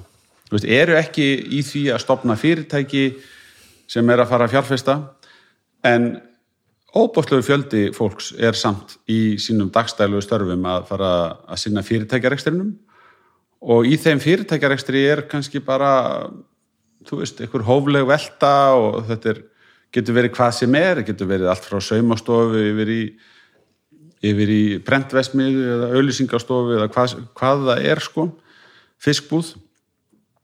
Og þegar að það koma fyrir sjónir bara venjulegar Íslendinga einhverjar miljardatölur og eitthvað fyrir forgörðum eða annað þá skil ég bara mjög vel að fólki finnst þeirri þannig er bara eitthvað í einhverjum heimi sem að hérna, þannig er örgulega eitthvað eitthvað fiskur undir steini sko. En, en það held ég að sé líka bara tilgangurinn með þessu öllu saman að reyna að skapa þá tilfinningu já, og uh, ég ég segi bara hérna uh, þau félög sem ég kom nálægt á sín tíma þau, þau voru hérna, eins og mörg önnur í mjög miklum vandræðum út af fjármálarhunnu það var bara það sem gerðist, við lentum í storminum. Og uh, og uh, hérna, það er hægt að setja það í slæmt ljós ef menn vilja en ég sé ekki að ég þurfi að svara fyrir eitthvað umfram það sem ég hef þegar gert sko. Nei, nei. En hvernig hérna, að þú ert að segja að þú látt svo bara dæma það að verkuðunum, sko, þegar upp í staðið, hvarnast ekkert úr þér eins og þetta, þegar þú ert, þegar það er verið að tala um alls konar svona mál og þú þarft virkilega að svara fyrir þau dag eftir dag eftir dag. Er þetta, ert í al- alvörunni bara að, að sannfarast í því fyrir hvað þú stendur upp á hvernig næsta dag? Af því þetta er svolítið mikið, sko. Já, þetta var sérstaklega mikið kannski á sínum tíma eins og ég segi. En hérna það var tímanbil sem að kannski bara þurfti að klárast og, og þurfti að hérna, fara í gegnum. Mm. ég, mér finnst eiginlega erfiðar að þú veist fyrir þá sem að vilja standa með mér skilja kannski ekki alveg málið. Eh, fjölskylda, vinnir samstarfsmenn. uh, hafa þessa slæmu tilfinningu veist, þetta er eiginlega auðveldar fyrir mig sem að kannski skil og veit sko. og veist, ég, mani, ég er hérna með í maganum mína tilfinningu fyrir því hvað er rétt og, og hvað er ekki rétt en það er örglega erfitt fyrir og ég veit að það er erfitt fyrir marga sem að vilja standa með mér að sjá að, að, hérna, að þetta er að hafa áhrif á aðra og, og það er auðvitað vill maður sem formaður fá að tala um hluti sem að maður vill setja á dagskrá Já, Mér finnst það að verið ráðist töluvert mikið að mér sko persónlega að þá á ég við að það er reynd að höggva í karakterinn. Mér finnst hérna í raun og veru algjörlega skorta að menn reyni að koma alveg höggja á mig málefnalega fyrir það sem ég er að gera í stjórnmálum og í pólitík. Já, það farið frekar bara í mannin. Í- Já, kannski telja menn að það sé hérna, líklega til árangus, ég veit það ekki. En, en ég meina þegar allt kemur til alls þá hefur bara gengið ágætlega. Ég meina þrátt fyrir allt þetta það hefur gengið ágætlega. Þú spyr hvort það kvarnist aldrei úr manni eins og ég segi, ég meina auðvitað verður maður það koma kapla þar sem að maður verður svona þreyttur á þessu en, en ég hef nú miklu meira herst heldur en hitt sko. Mm. og hérna, þetta er þroskandi að fara í gegnum þetta. Þetta er hérna þetta, þetta mótar karakter að gera svona, að fara í gegnum svona hluti. Og er ekkert á þessari gaggrinni sem þú veist, þú horfir á og svo tekur tíðin bara, já, byttu við. Kannski var ég hérna, kannski þurfti ég aðeins að pæla betur í þessu. Jú, jú, jú, jú, auðvitað á það við um hérna, margt, ég meina einfalt að segja það núna að menn hafi verið kannski of skuldsettir á sínum tíma í, hérna, í þessum fyrirtækjakaupum sem ég fór í en hamfarirna sem dundi á okkur voru bara slíkar að hérna, kauphöllin þurrkaðist út sko. mm -hmm. Þetta er allavega þannig að þú, svona, þú, þú, þú tekur því sem er svona beint aður og svona, Veistu, ég, það bara er í mínum karakter ég, ég nenn ekki að hanga mikið í for- fortíðinni. Sko. ég alveg tala, þú veist, þetta voru mjög dramatíski hlutir, það er búið að segja alveg rosalega margt, rámt og ljótt. Og ég hef alveg fullt af ástæðu til að vera gríðarlega súr maður og fúll en ég er það ekki sko. Ég, ég er bara að horfa fram á við og, hérna, ég, og ég meiri segja, ég skil vel að margir séu hérna sko, með þá ímynd að mér eftir allt þetta, þetta sé eitthvað allt saman gruggutjóm, ég bara, þú veist, ég, ég bara get ekkert fyrir að staldra við það. Ég er bara að fara áfram, það, fólk verður bara að finna út úr því sjálf, hvort það treysti mér eða ekki. Og hérna er það sem ég ætla að gera. Það eru kostninga framundan þetta er mín sín fyrir samfélagið. Hérna eru baráttumálun okkar, þetta er það sem ég er að fara að gera með mínu fólki, mínum frambjöðundum við stöndum fyrir þetta. Og bara áfram gakk hmm. Frábært. Þetta er besta ræða sem við erum haldin hér, sko. já, já, Mér langar að heyra þig, hérna, vinna þess áfram þar sem þú ert komin inn á þingið. Hvað er þetta fer? Af því að mér finnst þessi ferill stjórnmálaflokks flokks sem fer inn á þing og í lengi þarna. Þetta er svo, þetta er svo heillandi einhvern veginn, sko, þú lendir í nýjum aðstæðum einhvern veginn einsta degi og svo ert allt í einu farin að sækja og svo ert farin að verjast og svo ert komin í þessa stöðu og allt í einu komin í þessa stöðu. Já, já, ég meina auðvitað hrunið er stóru vatnaskilin í þessu öllu. Þú Veist, lífið var frekar venjulegt hjá mér fram að því. Eh, þá hætti ég í fyrirtækjunum og að því að við erum ennþá að tala um árin sem ég var semst, í stjórnum fyrirtækja Já. að þú veist, það var fyrst og fremst svona frá 2005-06 og til 2008 skilur ég var í stjórnum fyrirtækja svona sem frá 2001 en miklu minni rekstur og slöðis en, en hérna svona frá 2006 til 2008 þá, þá var ég í stórum fyrirtækjum. Þetta eru tvö ár sko en ég, er, ég er að verða búin að vera ég er búin að vera átján ára á alþingi sko. En við erum ennþá að tala um þann tíma en gott og vel, stóru breytingi verður auðvitað uh, 2009 þegar að hérna, ríkistjórnum fellur og hérna og ég kjölfarið af því að þá hérna, kom upp veikindi bæði hjá Geir Horti og, og hjá Ingiborgu Solrunu og, og uh, í mínum flokki þá þýtti það að það þurfti að kjósa nýjan formann og, og þá tekið þetta stóra skref að, að gefa kost á mér. Og uh, um, þetta voru mjög erfiða kostningar um, við vorum samt uh, með réttum 30% fylgi strax í kjölfaraða hrunnu og, um, og, og ég vissi sko að hérna, stóra uppgjörið við allt það sem að hafi átt sér stað var eftir, ég meina kostningarna voru ekki beint uppgjör við þann tíma heldur. Það uppgjör gerist miklu síðar, það gerist með rannsóknarskíslunum og öllu því sem átt eftir að vinna úr. Og þegar síðan er kosið 2013 þá er ennþá verið að vinna úr hruninu, ég meina húsnæðiskuldir heimilana voru eitt helsta máli 2013, það voru fjögur ár frá hrunni mm -hmm. Og um, ég hérna, hef ekkert verið feiminu að viðkjöna það, ég gerði nú ekkert endilega ráð fyrir því að verða mjög lengi formaður vegna þess að þetta væri slíkir umbróta tímar, ég er í stjórnaranstöðu það var alls ekki sjálfsagt að sjálfstæðarflokkurinn kemist aftur í ríkistjórn og ef við höfum ekki farið í ríkistjórn 2013 þá væri ég örglega ekki ennþá formaður. Þá held ég að Segir það? Já, ef við höfum ekki farið ríkistjórn 2013 þá held ég að flokksmenn hefðu sagt hérna, við hefum ekki að veðja á nýjan hest. Já, ok, ok.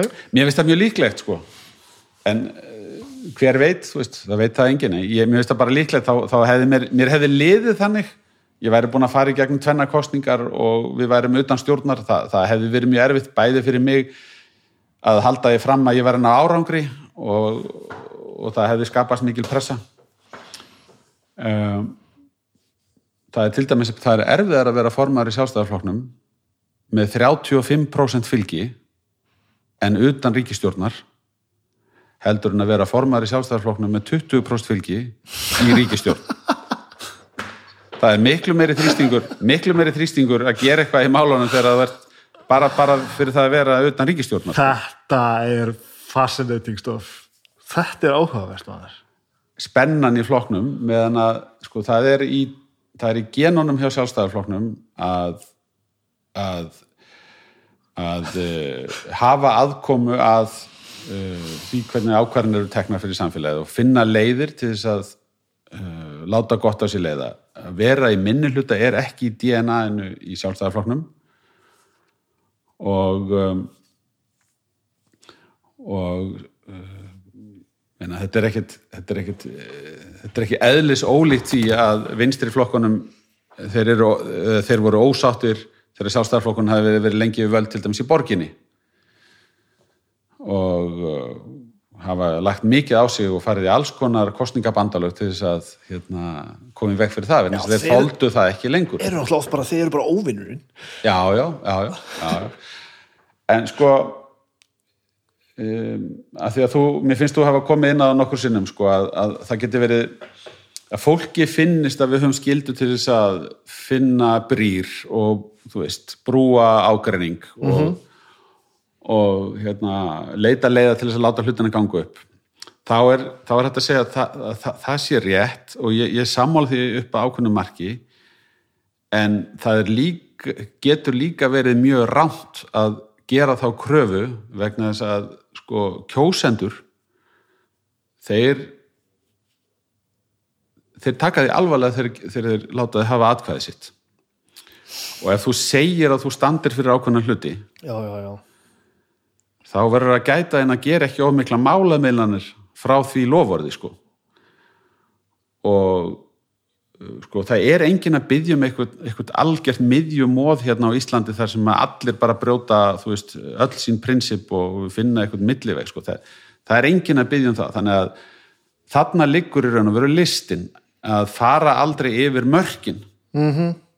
þegar ég lendi í mikill í gaggrinni þá er það þegar flokksmenn koma og segja herru, þarna stekst yfir línuna sko Já. við gerum ekki málamölun um þetta skilur hvað að fara já, ég geti tekið sem dæmi um, ef við gerum þannig breytingar á skattkerfinu að það sé ekki samkvæmt hreinustu hugmyndafræði okkar en ég er að horfa til þess að við lækkum skatta. Og ég segi, herri, við hljóttum að vera með hérna e, við hljóttum að geta staðið sem einn maður á bak við það að, að við náum markmiðinu um að létta álugum af fólki að þá e, verðum við að hafa eitthvað svigrún til þess að fara í útfæsluna þetta er bara svona dæmi. Þannig að ég held að fyrir líðræðið þá séu ofmikla málamillanir ekki góðar. Ég held að myndi grafundan trösti á þinginu, grafundan trösti á stjórnmálamönnum, á stjórnmálaflokkum. Og það sé miklu betra oft á tíðum að sætta sig við það. Að við náum ekki saman og við þurfum að horfast í augu við þá staðrend. áhugavert. Já, þú veist, það er bara, því við skuldum fólkinu það, að standa með því sem við höfum sagt. Já, ég skilji og það, það getur endað bara því að það þurfum að fara þá bara aftur í kostningar og segja, ég meina kjósum þá bara aftur, ef það er pattstaða á tappborðinu þá þurfum við bara að fara aftur til fólks og stokka spilin upp á nýtt, kjósa það nýju. Það finnst mér miklu líðræðislegra heldur en að fara í ómikla málamiðlanir bara til þess að kaupa frið fyrir fólki í landinu. Þetta er heillandi pæling sko. Já, já, en, en sagt, listin liggur í því að, að vita hvorum megin hryggjar málin liggja, sko, ég meina, ég er að gera málamiðlanir í samstarfi við Vinstri Græn og Framsóknarflokkin núna, mér finnst það að hafa tekist vel, mér finnst við vera með góðan stjórnarsáttmála, mér finnst vera góður andi í þessu stjórnarsamstarfi, þetta er ekkit alltaf auðvelt eins og ég sagði aðan, við eigum það til að rífast bara mjög ákveðið og, og hérna, skiptast mjög ákveðið á skoðunum og og verða fúl hvert út í annað og persónulega alveg? Já, já, ég meina veist, það, það, það hefur alveg hérna, það er ímislegt verið sagt sko Mhm. í, en en bara á uppbyggilegan þroskaðan máta þá förum við í gegnum það sko Þetta komið að einu sem að ég er alltaf að sjá betur og betur eftir sem ég tala við fleira fólk sem er í þinni stöðu og sviðpari skiptir persónan ekki miklu meira máli heldur en að við sem stundir fyrir utan um þetta, utan þetta sjáum. Það hlýtur að skipta rosalega miklu máli hvernig þér líkar við mannskinu á hrinnufloknum. Ég veit Já, já. þetta jú, jú. og, og, og það er pínu yfirþyrmandi já, já, ég meina að því nú erum við öll bara fólk sko. já, já, al, algjörlega það er mikið rétt og uh, eflaust hefur maður þurft að láta hérna, oft svona af einhverjum fordómum sjálfur og, og, og, og aðrir í, í gagvart mér og, og, og sjálfstæðis fólki til þess að, að hérna, til þess að leysa úr málum sem okkur eru falin, til dæmis inn í nefndum á þinginu eða, eða í einhverju öðru samingi þar sem fleiri þurfa að koma saman um, þetta er auðvitað algjört líkilatriði sem ert að nefna að það sé traust á milli fólks án þess gerist ekkert án þess stöðvast vélinn -hmm.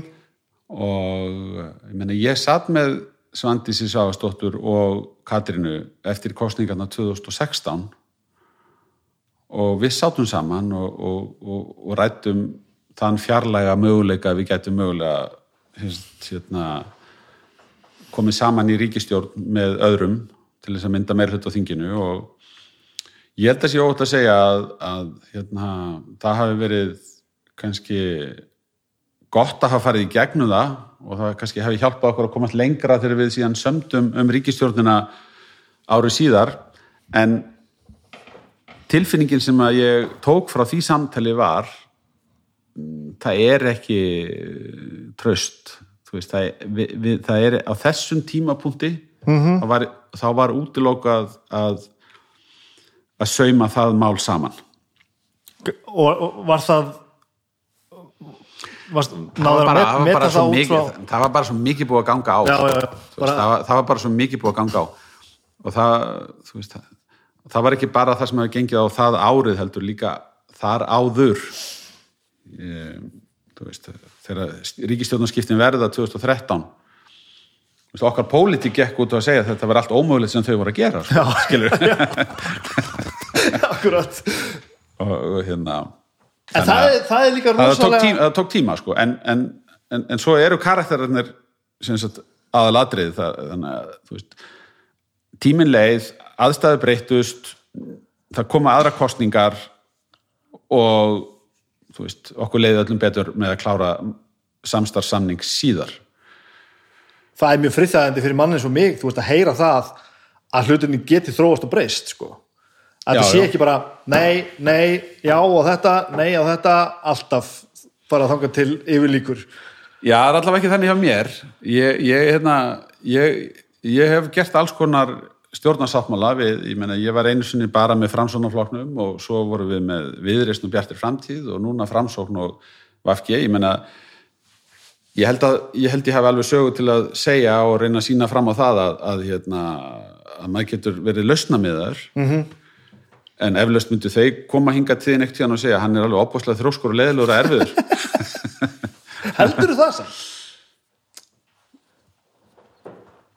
Nei, í svona mátulegum skömmtum þá verður maður að vera þróskur maður verður að maður er að gera sjálfum sér óleik og þeim sem maður er að tala við en maður segir ekki hvar línan liggur já, já, Þú veist, einmitt. ég meina, hafi þetta bara skýrt já, það heitir bara að draga fólk á asnaeirónum ef maður ætlar ekki að klára málið sem maður er verið að ræða ha.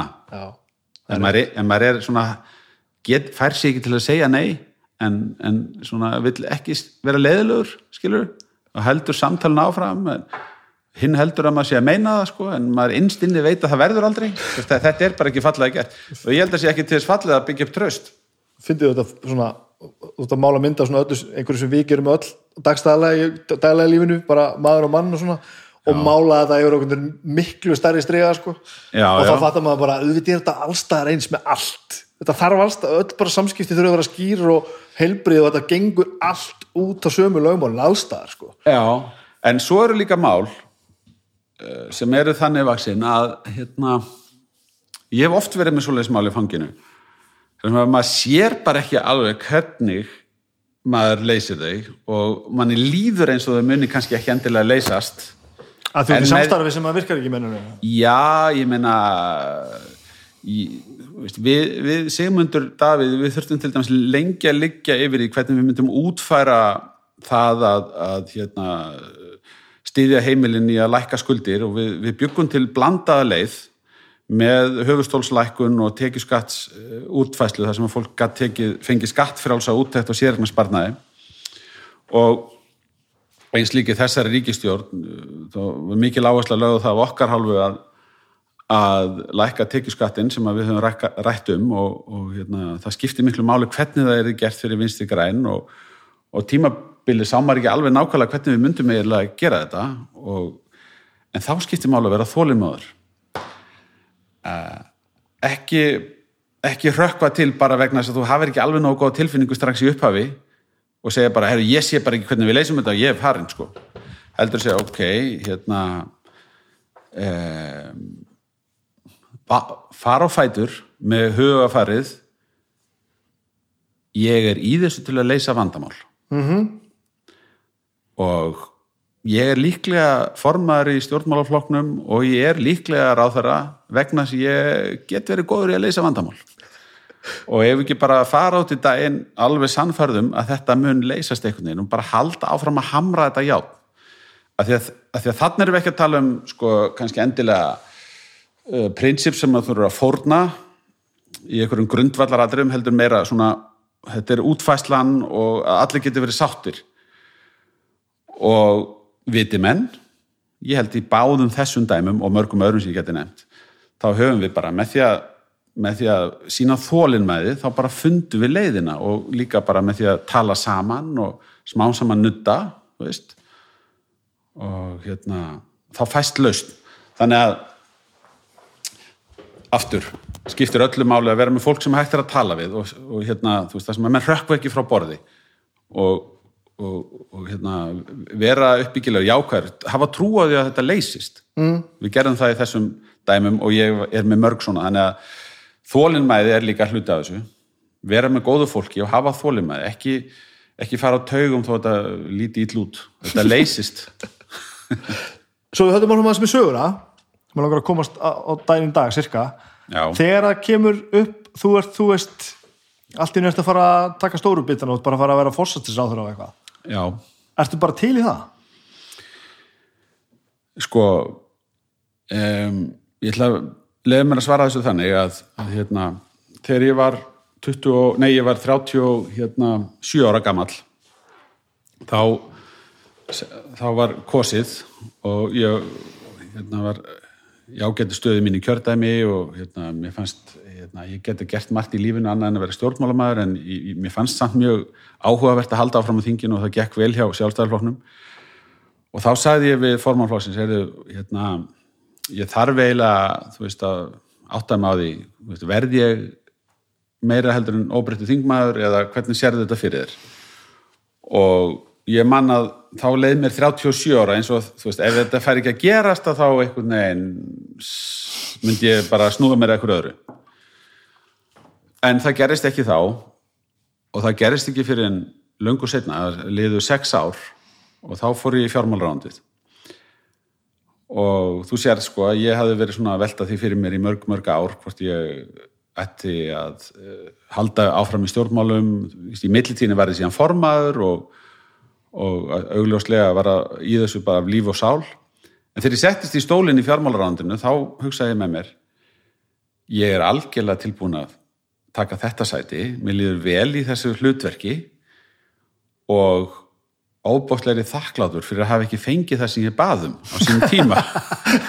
Verna þess að ég, ég sko, ég hef hérna tekið út svo miklu meiri þroska í millitíðinni. Ég er hérna ég held ég muni gera þetta miklu betur núna heldur en ég hefði mögulega getið gert fyrr.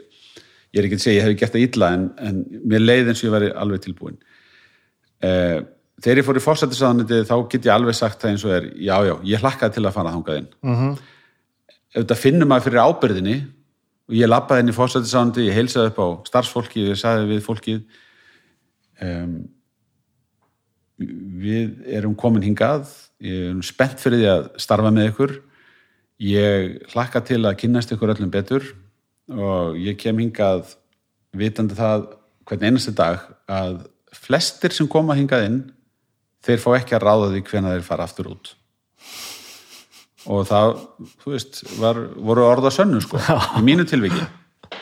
Og hvernig var það svo að missa þetta? Það var náttúrulega mjög dramatist og eiginlega manni fannst maður ekki það var svona eins og maður væri það var óraumurlegt næstu því. Það var svo margt við það sko það var, það var orðið hérna, mjög persónlegt, náttúrulega tengist hérna, pappa, hvernig hérna, það allt sem að gerðist það kom algjörlega á blindu hliðin á mér. Um, og já, það var svona það var þetta greiðlega vonbriði en uh, sem betur fyrir var ég ekki 30 ára eða veist, ég, hef séð ímislegt og ég hef séð margt svartara. Og eins og ég sagði áðan niðurstaðan teiknaði sig upp tiltöla hratt og hún var bara svo, heyrðu, það þarf þá bara að kjósa. Það er það, það versta sem gerist. Og það þarf þá bara uppgjör við þetta. Og það fór fram og hérna og ég er enn í þessu en auðvitað hefði maður vilja hafa þetta öðruvísi. Þe- þetta er bara eitthvað sem að, aftur ég, ég er ekki mikið að dvelja við, þetta er ekki stóra áfallið í mínu lífi. Þetta er ekki veist, ég, ég fór ekki fórsættisanætti til þess að uppfylla eitthvað persónlega metnað maður, maður er bara að reyna að standa sér vel sko, í, hérna, sér, þegar maður tekur að sér verkefni og þá vil maður bara reyna að leysa vel úr þeim og ég er það sem ég fæ út úr þessu er að sjá eitthvað framfærir í landinu -hmm. þær geta orðið með Katrínu Jakobsdóttur í fósættisándinu þær geta orðið með eh, einhverja samsetningu ráðherra í mínum flokki en meðan ég er að að þá er ég tilbúin til að axla mikla ábyrgð og ég verð að sætta mig við að ég ræði þessu ekki öllu. Bara, þú veist og, og, og mér finnst það að gengi vel sko, þannig að mér líður vel í eigin skinni veist, það, er, það er það sem að ég, ég horfi yfir stóra sviðið og sé stóru framfæriðnar í samfélaginu. Og ég sé líka að það sem heldur mér gangandi er allt það sem hafa verið hægt að gera svo miklu betur. Já, en ég myndi aldrei horfa yfir ferilin og segja hérna, þetta er allt ömulegt af því að þetta gerðist. Nei, ég skil ég ha. og augljóslega til ég að axla mikla ábyrgð. En, en erst eitthvað til ég að axla minni ábyrgð? E, og veist, út að tala um persónuleg markmið og eitthvað svoleiðis. Er, ertu þú veist myndur þú geta tekið skeft tilbaka og farið bara svona einhvern veginn að vinna meira bara svona í, Já, ég held það. Ég held að, hérna, ég held að færi vel á því þegar að, að því kemur að maður hættir að þá hérna, eftirlátum maður öðrum sviðið. En þú veist, mér, mér líður ekki akkurat þannig núna að ég sé hérna, örmagna eða eitthvað svoleiðis, skilur þannig að ég er alveg, mér líður ágætlega í einskinni og, og hérna, mér finnst ég vera á réttum stað. En ég sé það vel fyrir mér og það er bara, maður er eldast. Mm. fjandinn hafi það því miður. Eh, ég, ég, maður er búin að eignast batna batn og, og, og, og hérna maður sér um, fjölskylduna eldast, fóreldra sína eldast og, og maður staðsetur sjálfan sig á einhverjum tíma ás og, og já, já, ég, ég held að ég, hérna, það sem ég myndi kannski til dæmis vilja að gera er að, að gefa meira að mér til fólksinn sem að stendur mig næst og er búið að vera á bakvið mig og það er fjölskyldan og konan og börnin og, og já, já, svo er ég svo mikið af alls konar áhuga málum og þú veist, það er bara það eru hlutir sem eru daldið á hillunni þegar maður er í stjórnmálum. Þetta er, þetta er verkefni sem maður lætur þið aldrei í friði. Þú veist, ég fer aldrei í frí þannig að ég bara, það, það er bara rofni sambandið, sko. Veist, Nei, það, nei. það gerist aldrei, sko. Og gæti ekkert gerst? Nei, það er það er, bara, það er ekki bara ekkert í myndinni? Nei, ekki þannig að maður sé bara alveg farin úr sambandi, sko, það bara gerist ekki. Mm. og hérna þetta eru alltaf bara svona pa- tveir, þrjú dagar og veist, ég er ekki að tala um að maður fá ekki stundum nokkra dagi frí en ég bara segja að maður er bæði er maður auðvitað opinber persóna og maður er með hérna, ábyrða málaflokkun sem krefist þess að það sé hægt að bera undir mann og hafa samband og svo stjórnar maður bara ekki hvað kemur upp á. Nei, nei, nei um, þannig að jú, jú, ég, meni, það, sá tími kemur að, að hérna, ég mun kúpla mig frá allri þessari ábyrð sem ég er með í dag. En, en ég mun þá finna mér eitthvað annað skemmtilegt að gera eitthvað sem verður krefjandi. Þó ég ber ekki jafn mikla ábyrg á hvert öðrum á því en Já, já. eitthvað svona uppbyggilegt og, og hérna, eitthvað áhugavert, það er svo margt sem að hættir að gera. Hvað ertu svo, þú veist, þegar þú ert ekki pólitíkusinn, þú tala um áhuga og allt þetta dót, þú ert fjölskyldu og Já, þú ert, þú ert rosalega marineraður í stjórnmálum þegar að tala um því það er, það er engin, þú Já, já, veist, einmitt. þú veist ég man eftir einhverju ölsinga herfyrir það, það, það sem átt að sína það sem átt að elda. Já, og það bara, það upplifðu allir eins og það væri bara sviðsett, þessi maður getur ekki eldað, það er bara ekki séns. Já, já Var ég að baka, Það hérna, var að baka, baka man- með Katrínu? ég man ekki hvað varst að gera. Já, þetta var, já, var, já, já, og þetta var bara svona einhvern veginn býtu, er hann með svundu? Já, já, já, akkurat. Og, og ég fatta að þá, kannski líka að því ég hef þessar reynslur auðlýsinga heiminum sko, bara, ég- þetta er bara svolítið bratt. Ég held að við bara sjáum ekkert nema bara, bara blátt bindi og jakkaföld og við vitum ekkert meira sko. já, já, það er kannski, kannski ber ég eitthvað ábyrð á því að hérna, hafa skapað þá ímynd. Ég bara vilja vera vel til fara í, í vinnunni alla tíð og hérna, það er daldið hjá okkur held ég sjálfstæðarfloknum. Við hérna, viljum sína starfinu svona, einhvern veginn, þá virðingu líka, við komum svona svolítið, veist, við höfum sagt bara, kallarnir í flokknum, strákarnir í flokknum, þetta er yfirleitt alltaf með bindi í þinginu. uh -huh. og það er bara svona hluti af virðingunni fyrir sko embettinu, hlutverkinu og allt það aðrir horfa öðruvís á það, allt í lagi sko, en við séum bara fínt sko. við, við, við erum eiginlega bara, við höfum haft það þannig um, og þannig að ég hef örgulega hérna, tekið þátt í að skapa mína einmynd mjög mikið sjálfur. En það sem ég geri utan vinnu ég, meni, ég hef mjög fjölbreytt áhugamál, ég næ alls ekki að sinna öllu sem ég geri en, en ég sprett upp úr hérna, íþróttunum og ég hef mikið áhuga á íþróttum og fylgist vel með fótbolta og enska boltanum og stjörnunni og, og hérna það var mitt félag og, og, og öllu sem tengist reyfingu og íþróttum og, við höfum gaman að fara veist, í útvist og reyfingu og, og, og slíka hluti. Ég, finnst mjög gaman að veiða, ég fer að veiða á sumrin og, og hérna var mjög duglegur á sín tíma að hnýta flugur og, hérna, hef gaman að gera hluti í höndunum og, svo eins og allir, ég meina maður hefur áhuga á því að kynnast ólíkir menningu. Uh, ég fer stundum í golf ég get ekkert í golfi, því ég fer svo sjaldan. En, hérna, en mér finnst það dásanlegt sport. Mér finnst það alveg stórkostleg íþrótt og það er bara ákveðin list að sveifla kilfunni um, sem ég er því miður alltaf lélegur í en, en hérna finnst, þannig að svona uh, allt sem að tengist hreyfingu og útivist finnst mér mjög skemmtilegt og keppni. Nú svo hef ég mjög gaman að tónlist og hérna, já, þú varst að tala um eldamennsku mér finnst- mér finnst gaman að vera heima og eitthvað að brasa. Ég, kona mín er nú snillingur í eldhúsinu þannig að, að hérna, við erum mikið þar eitthvað að gera. Ég er miklu minna elda og hún er miklu meira. Mm. en allt sem að maður er svona skapa og fástu í höndunum ég hef gaman að því. Ég, nýjasta áhugamáli mitt var þegar ég fekk mig gróðurhús í fyrra. Já, mamma og pappi voru alltaf með gróður og mamma svona kveikti á sín tíma eitthvað, svona áhuga hjá mér, ég var aðlega svolítið forvitin um, um þú veist, hvað var þetta að gera í gróðurhúsinu. Og en ég, ég hérna hef verið þar með alls konar krydd, jurtir og eitthvað af blómum og svona einhverju einhverjum ávasta trjám og svona. Þannig að þú veist, það eru tómatar og alls konar þar inni. Ertu að sinna þessu bara? Ég syndi þessu mjög vel hérna í vor, ég byrjaði mjög snemma, eh, kom niður til dæmis sólblómum sem eru víða í garðinum hjá mér núna, há sólblóm, alveg einn og halvu meter og hérna bara rosa gaman mikið skrautaði fyrir garðin, þannig að það þurfti að sinna því mjög vel þegar maður er að hérna, koma upp litlum plöntum, það, það, það, þú, þú verður að sinna því vel, það verður að passa hittast í og vökunina og þetta.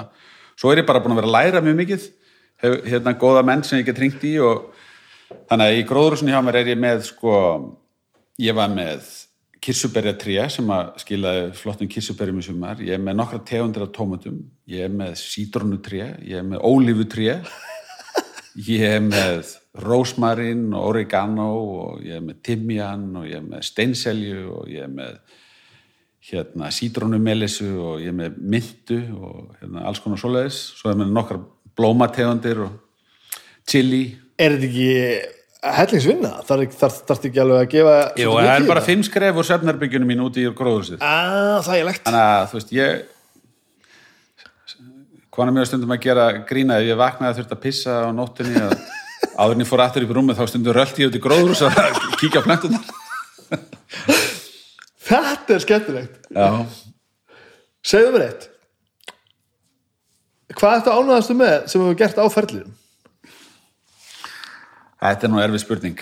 Ég- Þetta meina á stjórnmálaferlinum. Já, ég er líka að spyrja þig vegna þess að, að hérna, mér finnst pínu eins og hugsir ekkit alveg svona. Nei, ekki beint sko en hérna ok, sko ég er auðvitað ánægð með það að uh, hafa átt þátt í því að mynda hérna þrjár ríkistjórnir. Ég, mér líður vel núna að vera að ljúka kjörtíðanbili í óvenjulegri ríkistjórn sem við letum ganga upp.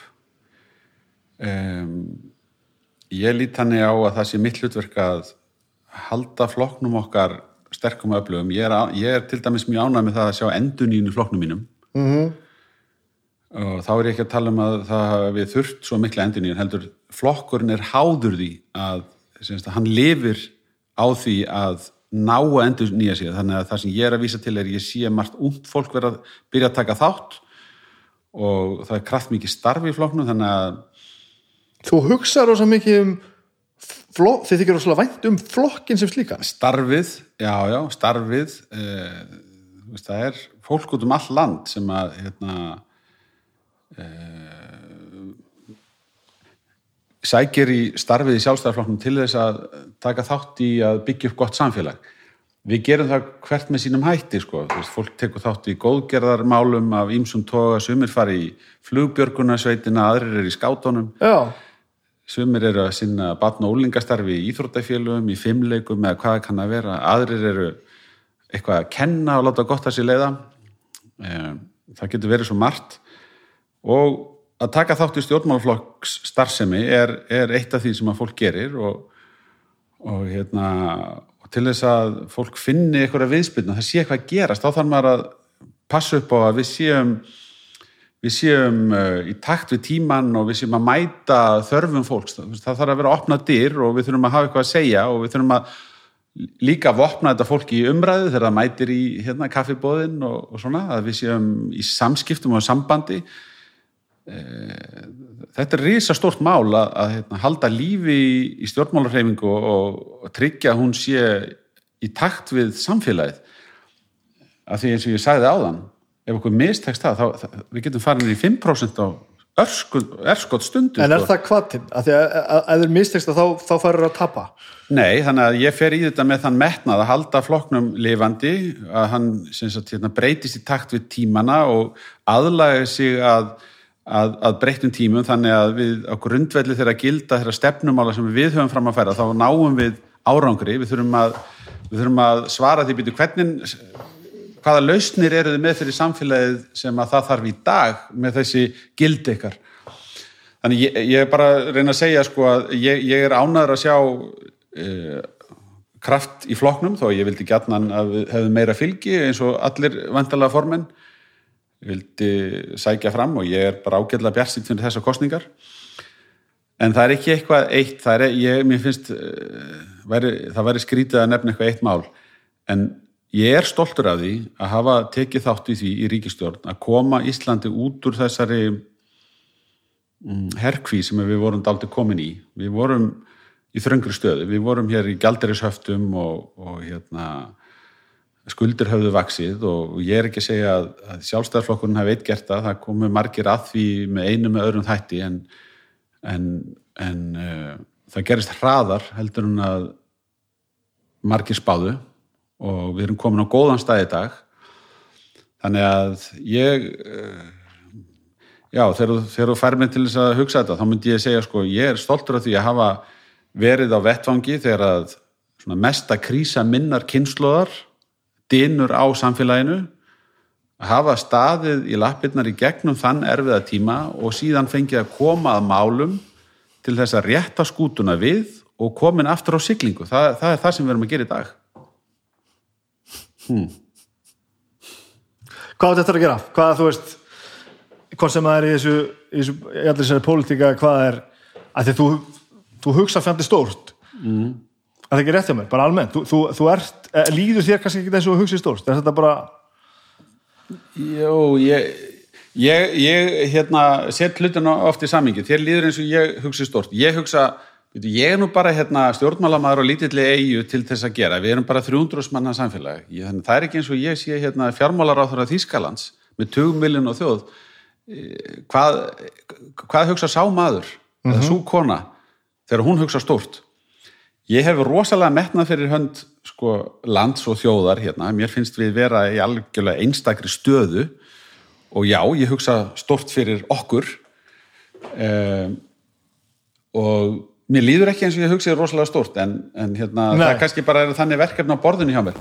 Ég held að því þú segir sko, hvað áttu eftir að gera, þetta er nefnilega daldið eins og gróðrúsið, sko, hvað áttu eftir að gera út í gróðrúsið, það, þú veist, það skín sól, plönturna vaksa, suma deyja við veturinn og það þarf að sá aftur. Þetta er aldrei búið, Nei, ég er aldrei búinn sko. Skilur við þannig að uh, það sem ég á eftir að gera er að leysa næsta verkefni vel þangað til ég hætti sko. já, já, já. En svo eftir það, ég meina, segjum svo að þetta myndi hætta. Já, hefur þú þá metna fyrir að fara bara í einhverjar risastóra fjár, fjárfestingar einhvers stáð út í heimi eða þú veist, myndur þú bara fara og stopna lítið fyrirtæki eða, þú veist, myndur þú það þarf að hafa eitthvað tilgang sem maður er að gera. Þú veist, ég, hérna, ég, ég gerir sjálfum mér það eiginlega ekki að hugsa of mikið um þetta. Vegna þess að ef ég, ef ég myndi fara mikið að velta þessu fyrir mér og finna þú veist, já ég finn núna hvað ég ætla að gera þá held ég að ég myndi bara pakka, Já, ég pakka, skil sa, pakka saman og fara að gera það. Skilur þannig ég er eiginlega bara ég neita sjálfum mér að vera að hugsa of mikið um það hvað ég ætla að gera næst. Ég verð að safna kröftum til þess að fara í þessar kostningar og sinna því sem að ég ber ábyrða núna. En þegar að svo tilfinning kemur yfir mig einhvern daginn að hérna, nú sé rétti tíminn þá, þá fer ég að hugsa þetta sem að þú ert að spyrja maður hvaða nákvæmlega verði, ég bara veit að, að hérna, það mun einhvern veginn greiðast úr því. Það er ekkert sem býður eftir mér allavega. Þetta var ógislega gaman. Já, bara sömulegis, ég hefði gaman að koma að hitta þig.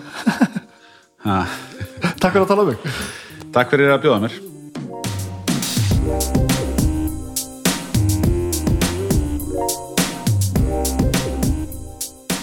Já, þetta var fullt af pólitík. Ég heyri það, þetta var svolítið mikið pólitík. Eh, hann er bara eins og, tvö, eins og lest á, á svona 2000 km hraða í átt bara leiðin í eina átt. Og það vinnur auðvitað með honum. Hann er, bara, hann er bara að fara í þessa átt og ætla bara að gera þetta svona og það er ekkert að fara að stoppa hann. Ég ætla ekki að meta hvort að það er gott eða slæmt en allavega hefur margt sem hann hefur gert hefur virkað þjátt núti, ég veit þetta er umdelt og ég, veit, sko, ég ætla ekki að halda því neitt leindu og fullt af fólki kringum mig sem að sem að, sem að gapa bara og skilja ekki alveg hvað ég er að viljum búin ekki að tala um Bjarnar Ben. En ég ákvaði um leið og ég byrjaði með þess að þetta ég ætla að reyna að tala við fólk sem er mjög langar til þess að tala við og bara þegar að koma upp að tala við Bjarnar Ben þá fæ ég bara svona það er svo margt sem ég hef aldrei heyrt um þann mann. Ég lít að geta tala við hann og fengið eitthvað ógeðslega skemmtilegt uppbúrurum að heyra. Og ég, þetta, var, þetta var nákvæmlega það allavega var ég skjálbrósandi þegar hann fór. Þetta var ríkalega gaman maður. Ég ætla hérna að fara að taka saman og ég þarf að sækja börni mín og við þurfum að gera eitthvað skemmtilegt, þetta er ágætt. Uh, Takk fyrir að hlusta. Þetta var uh, áhugavert. Ég held að hljóta var eitthvað bínu meiri pólitíkja í, í aðdraðan þessar kostninga, við sleppum held ég ekkit, ekkit við það, því bara því hangið Takk Símin Pei, takk Sjóá fyrir, hérna, fyrir matinn og iPadinn og samstarfið. Uh, munið að tjekka á bestu plötunni enda þótt ég sé ekki inn í Led Zeppelin á morgun sem er mjög skemmtilegt annars held ég að þetta sé orðið gott. Eh, við skulum gera þetta aftur í næstu vikum. Hafið það sem alltaf best, bye